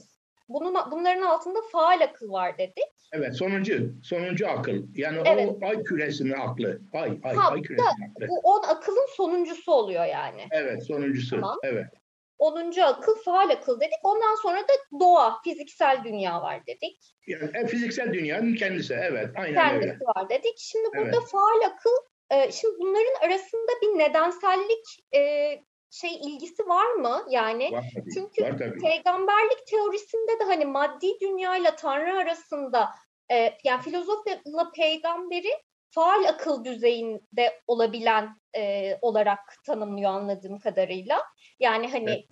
sıradan insanlardan farklı olarak Tam faal akıl seviyesi. değil. Tam değil. Şimdi şeyde Farabi ile İbn Sina arasında orada fark var. Hı. Farabi, Farabi insan aklının erişebileceği ister peygamber olsun ister filozof olsun faal akıl olarak görüyor. Hı. Fakat İbn Sina e, bakıyor burada problem var. Çünkü Muhammed'in miracı var. Tanrı ile doğrudan görüştüğüne dair bir efsane var. Afat, anlatabildim mi? Hı. Dolayısıyla ta yukarıya Tanrı'ya kadar çıkarmak için o akla kutsal akıl adını veriyor. Aklı kutsi diyor. Ve o akılla yukarıya kadar yani faal akıldan da yukarıya çıkıyor şeyde İbn Sina'da peygamber. Heh. Evet buyurun. Peygamber kutsal akla kadar çıkıyor yani İbn Sina'da. Evet. faal akıldan daha yukarıya. Şimdi benim kafam biraz şeyde karıştı. Yani hani eğer bu e, işte Tanrı, evrenin aklı, faal akıl, doğa arasında bir nedensellik varsa Evet. e, ki e, bütün olgular dedik aslında e, birbiriyle yani varlığa eğer gelmişse birbirleriyle ilişkileri bakımından hani aralarında bir nedensellik var diyorlar Var. diyor aynı zamanda da. Var. Yani e, bir e, olgunun diğeriyle ilişkisi bakımından arasında e, ne var dedik? E, e, yani zorunlu bir ilişki var. Doğru. E, yani Doğru. benim kafamı karıştıran burada arada e, nasıl bir nedensellik tutturuyor? Yani birbirlerinden bu çıkıyorlar. Birbirlerinden çıkıyorlar. Mekanizmanın uzun hikayesi. Birbirlerinden çıkıyorlar. O, ama o zaman mesela peygamber ya da filozof dediğimiz insan e, nasıl faal akıl ya da kutsal akıl seviyesinde algılanabiliyor? Yani anlaşılabiliyor. ne demek? bu? Anlamadım bunu. Bunu anlamadım. Yani e, biz filozofu ya da peygamberi işte faal akıl hatta kutsal akıl seviyesinde düşünüyoruz ya. Biz düşünmüyoruz. eğer- Oraya o çıkıyor. Biz düşünmüyoruz öyle bir şeyi. Evet. Yani hani bu teoriye göre, Evet. e, peygamberlik teorisine göre. E, yani eğer bir e, arada bu, bütün bunların arasında bir nedensel bir ilişki varsa yani hepsi birbirinin sonucuysa e, o zaman e, filozof veya peygamber e, doğanın yani fiziksel dünyanın bir parçası değil mi? Evet. Parçası. Ama işte bazı insanlar o fiziksel sistemin parçası olmakla birlikte e, işte hayal güçleri sayesinde oraya kadar çıkıyorlar. Bazı insanlar bilim, felsefe, matematik vesaire sayesinde çıkıyorlar. Bazı insanlar da çıkamıyorlar. Onların ne aklı ne hayal gücü var. Aşağıda e, yaşıyorlar. Urfa'da yaşıyorlar onlar. Problem ne? Problem. Neyse. Tamam, Tamam. ben anladım sanırım. Tamam. Tamam. Evet. Hocam bir soru da ben sorabilir miyim? Evet. Buyurun. Merhaba. E, şimdi sizi dinlerken notlar da aldım da şöyle. Yunan dünyasında tanrıların önemi yok. Peygamber yok. Ruhban sınıfı yok. Geçiyoruz. Hristiyan dünyasında ruhban sınıfı var. Doğmalar yani akideleri var. Evet. İslamiyet'e geçtiğimizde yine ruhban yok ama uy- uygulamada var. Doğma Evet, var. Bir aşama daha geçiyor. Fıkıh var yani teolojiye göre. Yani hukuk var. Hayatın her alanına düzenleyiş var. Doğru.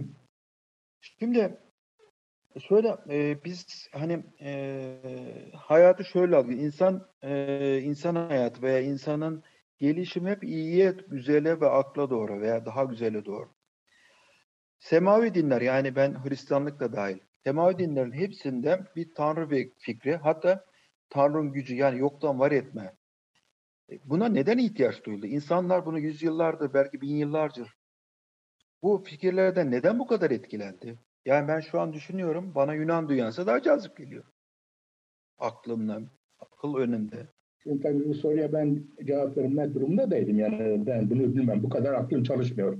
Yani ben bildiğim şeyler bunlar. Ama bir takım önerilerde bulundum size. Ne dedim? Yani Ee, çok ilkellerden bahsetmiyoruz. Onlar zaten animizm seviyesinde, totemizm seviyesindeler vesaire vesaire. Ama yavaş yavaş milat sıralara doğru geldiğimiz zaman Hrist Yahudilik de, Hristiyanlık da ortaya çıktığı zaman ki aşağı yukarı bunlar tabii gene nispeten yakın zamanlarda en fazla toplayıştır 2000 sene içerisinde çıktığı zaman e, bir e, tanrılar arasında birçok tanrıdan tek tanrıya doğru geçiş anlamında e, bir gelişme oluyor. Yunan'da da oluyor. Hezidos'a baktığımız zaman görüyoruz yavaş yavaş bir hiyerarşi meydana geliyor. Efendim e, Zeus baba e, Hezidos'ta yavaş yavaş adil bir tanrı olmaya başlıyor. Öbür tanrıların işte kaprislerine, maprislerine falan yüz vermiyor. Onları hizaya sokuyor. Yani ya bu böyle olmuştur olmamıştır bilmem ama böyle bir ihtiyaç duyuyor. E, sonra onların e, yani düzen kurucu özelliklerine ihtiyaç duyuyor. Sonra ben özellikle onun üzerinde ısrar ettim. Yavaş yavaş insanın bireysel e, e, ruh ve geleceğe e, ilgilendiriyor insanlar. İnsanlar bunlarla ilgilenmeye başlıyorlar. Yani bilimle ilgilenmiyorlar demek değil. Bilimle de ilgilenenler var. Yani Orta Çağ'da, bu dünyada da, bizim dünyamızda da var. Fakat Yunan biliminin veya Yunan mitolojisinin e, veya Yunan paradigmasının sağlayamadığı bir ihtiyaçlar var işte. Ne dedim ona? Ruh dedim, özgürlük dedim, ölümsüzlük dedim, kurtuluş dedim, kefaret dedim. E bunlar demek zamanı geldiğinde sübjektivizm dedim. Ne dedim? Aristoteles için Ahmet'in, Mehmet'in ölmesinin bir önemi yok. Aristoteles zaten bunları bilmez de, ilgilenmez de. Do, düşünün hayvanla ilgilenir o. Türün şeyiyle ilgilenir. E ama öbür taraftan Muhammed de aynı şeyi söylüyor. Gazali de ya diyor Zeyd ölecek, Zeyd. Ahmet ölecek. Ahmet'in kendisi önemli burada. Ve Ahmet muhatap. Yargı günü var, hesap verecek vesaire vesaire. Yani bence yani en genel terimlerle böyle söylüyorum. Yani Yunan objektiviteyi sağlıyor ama subjektivite yok. Aklı sağlıyor ama ruh yok. Bilmem e, şeyi sağlıyor, e, zihni sağlıyor ama özgürlük yok. E bir de inanma diye bir şey var yahu. İnanma diye bir şey var. Hiç Yunan onun farkında bile değil. Yunanlı inanmayı e, böyle insanın özel bir vasfı, özelliği olarak değil de e, aklı vardır, aklı yoktur. E, ya e, eksik tahmin vardır, yanlış tahmin vardır, doğru tahmin vardır diyor. Aristoteles'e sorsaydınız anlamazdı bile bunu. E peki aklı olmayanlar ne olacak? Bir de o var yani sokaktaki insan e ya ben kurtulmayacak mıyım? Ahmet bu kurtulacak yalnız. Bilmem anlatabildim mi? Hani ne diyordu St. Paul? Kim için? İsa için. Aynı şey ya filozof olmaz. Filozofla bu işler olmaz. Yani ben birçok alandan neden getirmeye çalışıyorum. Yani mesele önemli olan. Hocam ama şimdi bak sözünüzü kesiyorum ama. Kesme kesme. İnanmadınız. Hı. Kesmeyeyim mi? Ay kes de yani şunu demeye çalışıyorum. Ben bu sorunun tabii bilecek bir adam değilim. Bunu kimse bilecek bir adam değil. Belki reis cumhurumuz bilir ona sor. O her şeyi bildiği için onu da bilir ama yani benim bilgim e, anlıyorum ben o adamı. Yani ben mesela e, niye sempatik geliyor bazıları bana? E çünkü o, o ihtiyaç, ben, hocam senin ihtiyacın var mı? Yok. Bak onu da sana söyleyeyim. Ben Augustinus anlıyorum da ben Tanrı'ya ihtiyacı da anlıyorum. imanı da anlıyorum. Ama ben ne Tanrı'ya inanıyorum ne imanım var. Bilmem anlatabildim mi? E ama e, dünya benden ibaret değil. Yani Madame Bovary'i yazan adam da kadın değil. Erkek ama kadını anlıyor. Bilmem anlatabildim mi? Ha, sorduğun zaman da Madame Bovary benim diyor. Yani ben sana verebileceğim cevap bu kadar. Peki. Ya ben e, şimdi e, inanma dediniz de inanç bir yerden sonra dogmatizmle beraber artık hani bilim temeli şüphe ya şüpheyi kapı dışarı ediyorsunuz. Şey inanıyorsunuz. Yani bu nereye kadar yani? Akla aykırı. Yani şey değil. Yani insan inanırken Yine geldim aynı şeye. Aynı şeye geldim. Gene Augustinus'a geldim. Karına inanıyor musun? Gene aynı noktaya gelirim ben. Çocuğuna inanıyor musun? Niye inanıyorsun? Veya komüniste sorayım. Komünizme inanıyor musun? İnsana inanıyor musun? Niye inanıyorsun?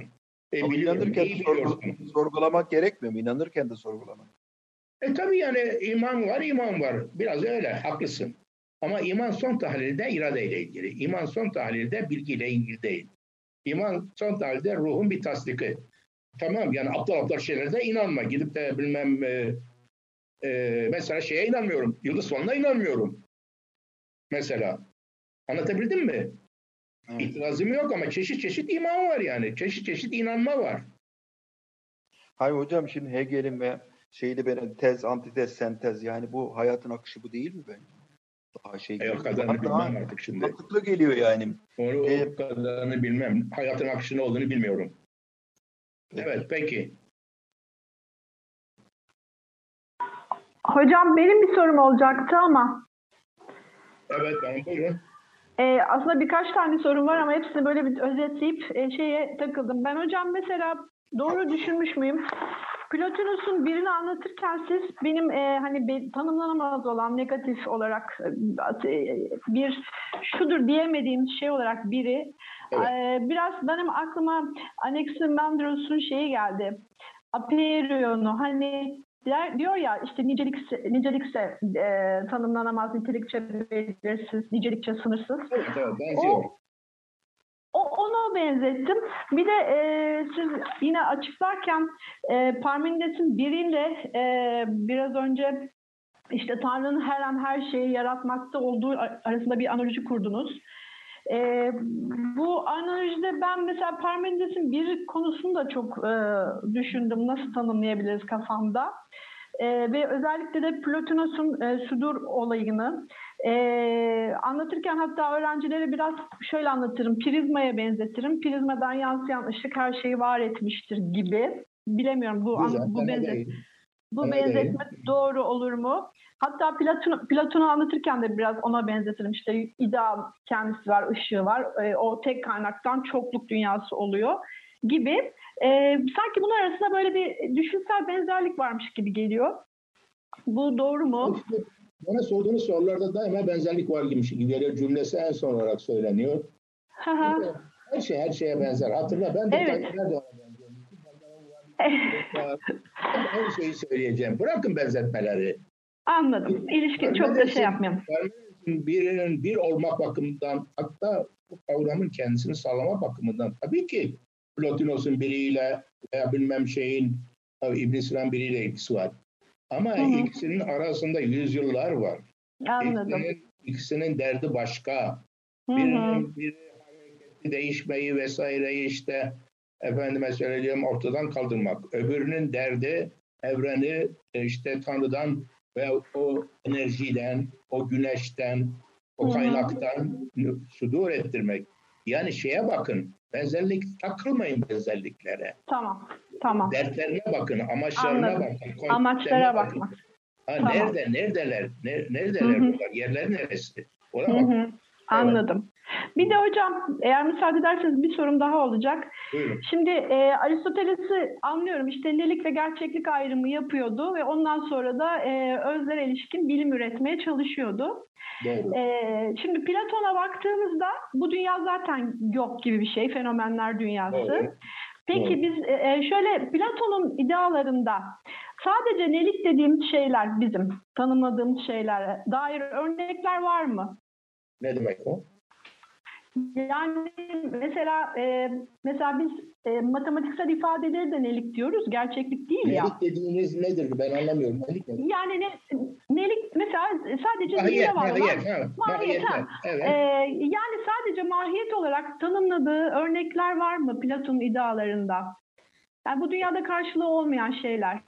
Mesela Yani Tanrı öyle bir şey Yani- gibi geliyor. Tabii ki var. Yani daha doğrusu Aristoteles'e göre haklı olarak var. Şöyle, Platon'un ideaları her türlü matematik, geometrik isimler.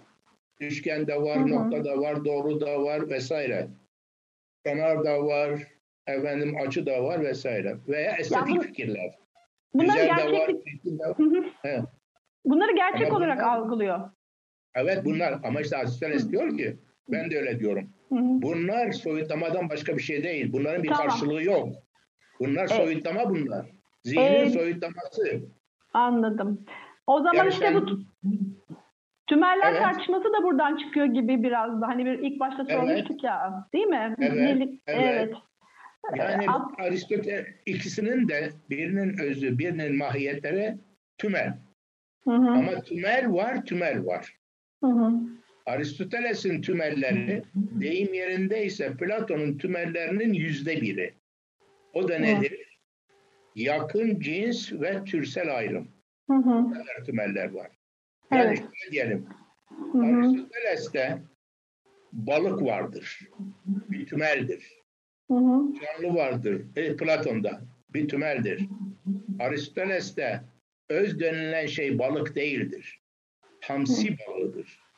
Mı? Anladım. Anladım. Hamsi Tekil balık. olan. Yani en alt türler vardır. Buna biz en alt türler deriz. Evet, evet, Karşılığı en Evet. alt türler. evet.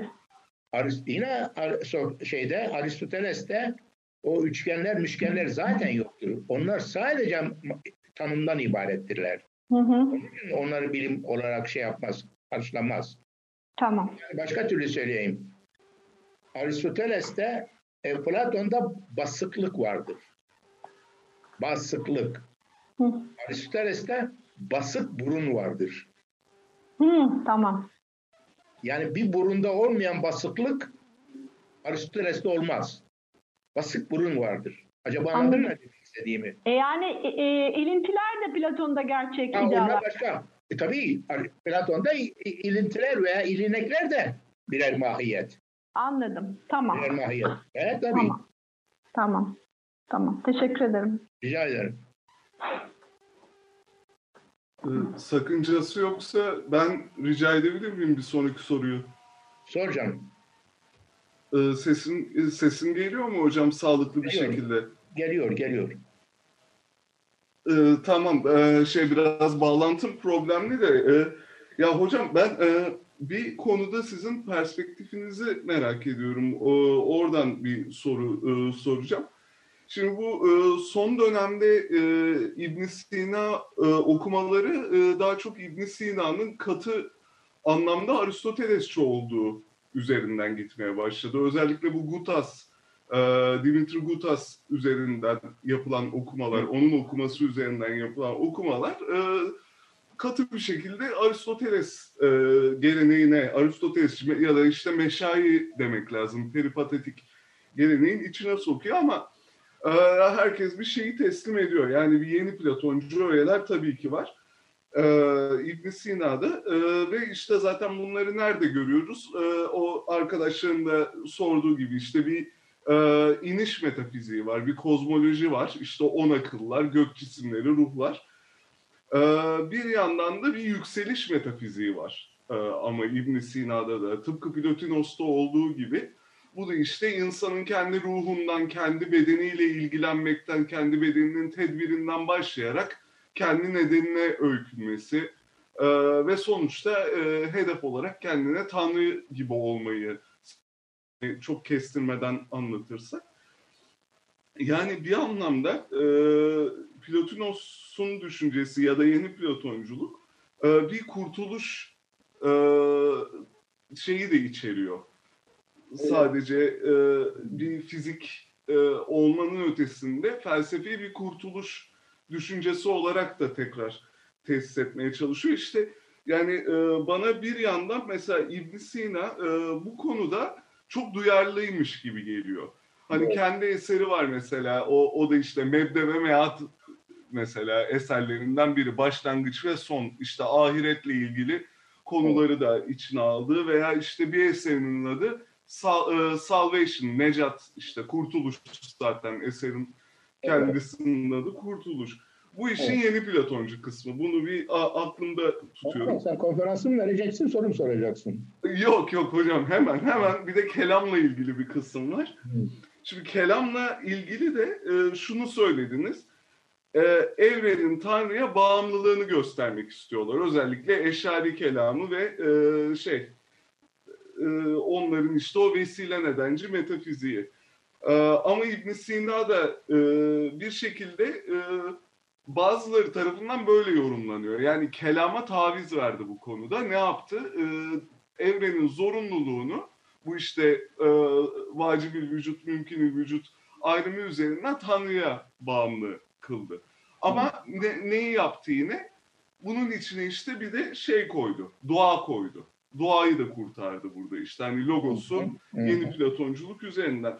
Bana kalırsa e, bu bakımdan ibn Sina öyle kuru bir Aristotelesçi olarak anlaşılamaz gibi geliyor. Yani o yeni Platoncu öyle olmazsa ibn Sina'nın temel derdi anlaşılamaz gibi geliyor. Ve temel derdinin de şu olduğunu düşünüyorum. Yani hem bu kelamın hem işte kurtuluş düşüncesinin hakim olduğu o işte doğulu dediği işte Horasanlı, Meşriki dediği kendisinin işte o Meşail'in belki de karşısında olan yani ee, düşünceyi devasa bir sentez haline getirmeye çalışıyor Sina. Sizin hocam nedir bu konudaki perspektifiniz? Ben bu onu senin merak ediyorum. gibi düşünüyorum. Yani ben onu çok Aristotelesçi olduğunu zannetmiyorum. Adamın derdinin de Aristoteles gibi bilim falan olduğunu da zannetmiyorum. Zaten mümkün olduğunu da zannetmiyorum. Aynı şey Farabi için de söz konusu. Yani bu çağdaki bir adamın böyle bir şeye imkanı yok. Ee, o e, hem bir kurtuluş öğretisi olarak aynen Plotinos gibi hem de bu kelamcılara karşı o bir taviz olarak değil. Hem bir kelamcılara karşı şeyin gücünün farkına varıyor. Yani bu Plotinosçuluğun e, şey teorisinin, taşma teorisinin e, e, mümkün olan en felsefi, en en felsefi görüş olduğunu farkına varıyor. E, e, yani ben onun Plotinosçu olduğunu düşünüyorum. Tek, tekrar ediyorum. Aristotelesçi olduğunu hiç düşünmüyorum. Nitekim daha sonra onun e, Doğu dünyasında özellikle İran'da teosofiye, mistisizme doğru giden o bütün cereyanların başında olmasını süre verdiği işte yok bilmem, e, e, Nasrettin Tusi bunların nedeni de o özelliğin olması. O özelliğin olması. Yani Aristoteles e, onlara hitap etmiyor. Şimdi o felsefenin, Doğu felsefesinin, Doğu hikmetinin temeli e, Aristotelesçilik falan değil. Yani illuminizm, illüminasyon, kurtuluş vesaire vesaire. Ha şeyi e, ciddiye alıyor muydu? İslam'ın kendisini gördüğü şekilde ciddi alıyor muydu? Kusura bakma ben onu da zat, e, zannetmiyorum. Evet, evet hocam. Yani be- bence Yani hiçbir İslam filozofunun hele bir de İbn Sina gibi işte Platonos'u bilen, Aristoteles'i bilen bir adamın İslam'ın kendisini ciddiye almasına imkan ihtimal yok. Yani ne olarak? Tabii bir gerçeklik olarak, bir bilmem siyaset olarak da yani bir e, e, metafizik olarak veya yani bir Agustinus'un Hristiyanlığı ciddiye alması gibi. Öyle diyeyim. Yok böyle bir şey. Mümkün Evet. değil.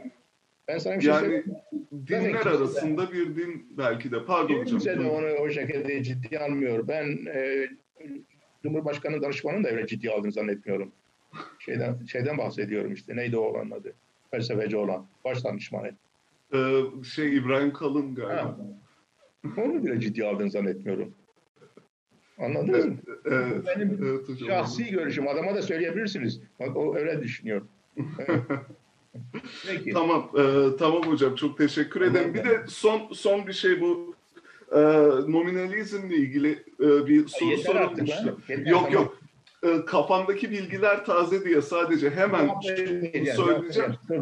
Yo yo sormayacağım, sormayacağım da şeyi dedim. e, bu oradan İbn Sina'da nominalizme giden bir yol yok. Sadece onu söyleyecektim yani. E, o çünkü e, o, o da aynı şekilde bir e, şeyin olduğunu düşünüyor yani nerede olduğu bir problem olmakla beraber o tümellerin kavramların var olduğunu düşünüyor deyip e, çok teşekkür ediyorum hocam.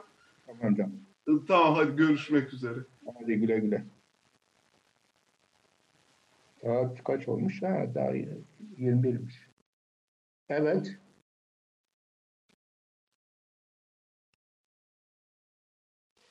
Evet, yeni soru yok galiba. Saat de ilerledi zaten hocam. Tamam. İsterseniz vedalaşalım. Tamam. Peki. Hadi herkese iyi akşamlar. Teşekkür ederiz hocam. İyi akşamlar. Teşekkür ederiz. İyi akşamlar. İyi akşamlar. Hocam sağ olun. Hadi. Sağ olun hocam. İyi akşamlar. İyi akşamlar. iyi akşamlar. İyi akşamlar hocam. Teşekkür ederiz.